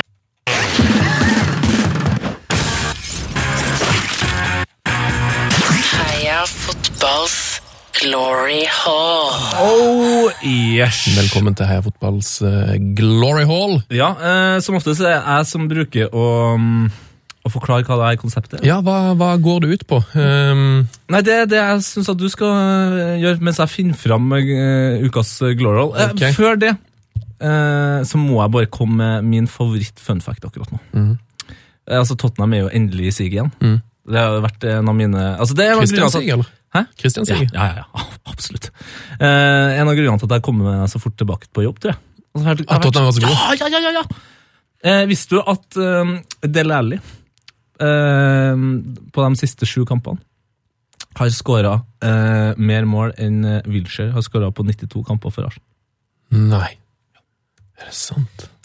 Ja, han er målfarlig. Han er målfarlig. Heia fotballens Glory Hall, det er avslutningen på dagens uh, podkast. Eller hver egentlig hver eneste ukes podkast. Heia fotballens Glory Hall det er en uh, klubb for de helt spesielle fotballspillerne der ute. Uh, de holder til på en uh, planet eh, i en galakse langt, langt, langt, langt eh, herifra. eh, på en bane som er grønnere eh, enn de aller grønneste fotballbanene. Ja, jeg ser for meg at hvis det skulle blitt laga en film om, eh, om Heia fotballs glory hall, Mm. så hadde det vært han derre Abrams og Lucas. George George Lucas. JJ Abrams. Ja, ja. De hadde, eh, De fiksa den biffen. Eh, Steven Spielberg, Spielberg har selvfølgelig vært på produsentsida.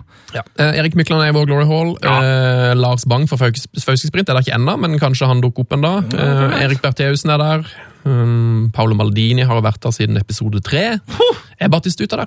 Battistuta, ja! Battistuta, ja, han er der. Han er der. Og nå er det altså klart for en ny helt, Tete Lidbom. I dag har du fått uh, ansvaret. Det har jeg, og um, jeg har, vi har fått en, uh, en uh, lytterhål. Men nå, nå sliter jeg utrolig med teknikken her på NRK, eh, så jeg finner jo ikke eh, mailen fra den fantastiske mannen som har sendt oss denne Glorion. Men det, det skal jeg fikse, vet du. Ja. Ta det helt med ro. Da kan jeg si det at uh, Vi har jo begynt med en ny greie, for nå er det veldig veldig mange av dere som bruker masse tid og krefter på å skrive Glory Halls og sende det inn til oss, som vi kan lese opp. setter vi veldig stor pris på. Uh, og dere som gjør det, dere vil jo få en Heia Fotball-T-skjorte, så det vanker jo da altså en T-skjorte til denne mannen her òg. Så da, i, dag. I dag må du sende ut fem skjorter til dette. Oh, herregud, det angrer jeg litt på. nå. Så har du en Glory Hall som du eh, brenner inne med. Mm. Send den gjerne til oss. Vår e-post er heiafotball.krøllalfa.nrk.no. Ja. Han heter Max Årstad Knutsen. Max Årstad Knutsen. Ja, og Han sendte inn her faktisk 20. november, eh, klokka ti på eh, to på natta. Det liker jeg. Jeg fikk i kveld et kall. Et kall om å hylle en spiller jeg ble kjent med da jeg var i Argentina for noen år siden. Yes. Så i dag så blir det en helt Altså, det, den glorien her er episk. Det, det, det, det kan jeg si. Da lener jeg meg tilbake. Det er bare å smelle i gang eh, The Tune. Fem minutter gjenstår av semifinalen i VM i 1986, og Argentina leder 2-0 over Belgia. En 32 år gammel VM-debutant står på sidelinja, klar for å komme inn for Jorge Burchuga. Veteranen har blitt utelatt fra den argentinske troppen både i 78, da landet vant VM på hjemmebane, og i 82. Men denne gangen hadde selveste Diego Maradona insistert på at han skulle være med. Og idet dagens Glory Hauler entrer banen, springer Maradona over til han og tar han i hånda. Maestro, sier han. Vi har venta på det. Maestroen Maradona hadde venta på, det var Ricardo Boccini. Diegos største idol. Han er spilleren med flest kamper for Independiente og regnes for å være klubbens beste spiller gjennom tidene. Da han signerte for Independiente som 17-åring i 1971, måtte han eh, den første tida pendle fra hjembyen inn til hovedstaden i Buenos Aires for å trene. En tur som tok fem timer med buss og tog. Supportere som fulgte med på junior- og reservelagene, så imidlertid, imidlertid at eh, den lille playmakeren hadde et stort talent, og Boccini ble flytta opp til A-laget i 1972. Independiente hadde allerede vunnet Copa Libertadores det året, men Borcini spilte en sentral rolle da laget forsvarte tittelen året etter. Og året etter. Og året etter det igjen! Independiente vant Copa Libertadores fire år på rad. En bragd ingen har klart å kopiere. Men det virkelige gjennombruddet til Borcini kom i Interkontinentalcupen i 1973. I finalen venta Juventus, og Independiente var levna få sjanser mot det italienske storlaget. Og den gamle dame hadde selvfølgelig det spillemessige overtaket. Men ti minutter igjen av kampen så mottok dagens helt Porcini ballen, halvveis inne på Juves banehalvdel. Han finta seg unna Claudio Gentile, for han spilte vegg med Daniel Bertoni. Han mottok ballen inne i Juves 16-meter, hvor han da is iskaldt venta ut Dino Soff. Mm, før han lobba ballen over den italienske målvaktslegenden. Og som ofte så stopper jo glory-hallene her, men ikke, ikke, ikke i dag. Ikke denne. Nei, vi, vi må bare kjøre på videre. Altså bare Len dere enda lenger tilbake nå. Porcini var imidlertid ingen målskårer, men en ærverdig playmaker. Han var høyt respektert og frykta av stort sett alle i argentinsk fotball. Hans varemerke, kjent som La Pose, var å holde på ballen og vente med å sentre i påvente av at medspillere skulle bevege seg inn i farlig skåringsposisjon. Porcinis pasninger var som regel så godt tima, så perfekt vekta og så presis at medspillerne kom alene med keeper. Dette briljante varianten av en pasning fikk tilnavnet El Pace Boccineso. Han var en usannsynlig helt. Ingen skjønte helt hvorfor han var så god. En argentinsk fotballspaltist omtalte Porcini som en hengslete, ulidenskapelig dverg som verken kunne skyte, head eller hadde karisma. I etterkant er det imidlertid tydelig at den 1,68 meter høye dvergen var en monumental figur for Independiente på 70- og 80-tallet. Porcini tilbrakte 19 år i klubben og spilte 740 kamper. Men Boccini på laget vant klubben den argentinske ligaen fire ganger, Copa Libertadores fem ganger, Copa Interamericana tre ganger og Interkontinentalcupen to ganger. Ja, og så vant jo Boccini VM Argentina i 1986, da, selv om det bare ble fem minutter på banen. Etter Argentina slo Belgia og sikra finaleplassen, hylla Maradona den 32 år gamle VM-debutanten og sa da, Bort- da Boccini kom inn, var den første som Da Boccini kom inn, var det første jeg gjorde, å spille vegg med ham. I det øyeblikket føltes det som å spille vegg med Gud. Det er altså så voldsomt til melding fra selveste Maradona. Favorittspilleren til Diego Maradona? Ja, og det er litt sånn eh, som Max her skriver, at eh, vi vet på en måte ikke hvem han her er. Ikke godt nok, i hvert fall. Men når Maradona mener at det å bare spille vegg med en, er å spille vegg med Gud, altså mannen som oppfant Guds hånd Altså når han har en egen pasning oppkalt etter seg, pasninga som Pirlo ga til Roberto Baggio i Brescia, ja, da mener jeg at denne fyren, han skal i Glory Absolutt. Nei, det var vakkert. Takk for i dag, Tete. Ja, det var altså Det er godt å være tilbake. Ja, det var helt utrolig. Eh, La oss håpe at eh, alle podkaster i 2017 blir like koselige og deilige som denne. Ja, Så blir det kanskje litt mindre rusten eh, mot slutten av året. Kanskje. Forhåpentligvis så skal vi avslutte eh, 2017 eh, Ingen av oss i, på sykehuset. Forhåpentligvis. Forhåpentligvis. Forhåpentligvis. Takk for at du har hørt på Heia Fotball. da. Eh, veldig hyggelig at folk hører på oss. Ja. Setter vi veldig stor pris på. Og så hvis du ikke har noe å gjøre på formiddagen Jeg spiser bolle, beklager det. Altså, det er utrolig frekt å spise mens man snakker. Ja, ja Hvis ikke du har noe å gjøre på Formiddagen på lørdag. Lørdag klokka tolv så er vi på P3 på radioen der òg med radioprogram som er ja, litt mer nyhet nyheter og, og fjas enn en podkasten. Eller kanskje ikke så mye hvis mer fjas. Er, hvis du er Liverpool-supporter, så er det en eh, over, eh, musikalsk overraskelse. Ja, Vi skal spille en uh, Liverpool-sang på, på lørdag. Så hør gjerne på. Og selvfølgelig send gjerne inn e-post til heiafotballkrøllalfa.nrk.no hvis du vil bidra med noe til radioprogrammet. Det er jo lov. Okidoki karaoke. Takk Nei! for i dag, og god helg. Okidoki Michael Karaoke. Heia fotball. Michael Carrick. Frank de Boer speelt de bal. Heel goed naar Dennis Bergkamp. Dennis Bergkamp. Dennis Bergkamp neemt de bal aan. Dennis Bergkamp. Dennis Bergkamp. Dennis Bergkamp. Dennis Bergkamp. Dennis Bergkamp. Oh! Frank de Boer speelt de bal naar Dennis Bergkamp. Die neemt de bal feilloos aan. En ik schiet de bal erin. We spelen nog officieel 20 seconden. Dennis Bergkamp. P3s Heia fotball. Ny episode din nye favorittpodkast på p3.no. Podkast. P3.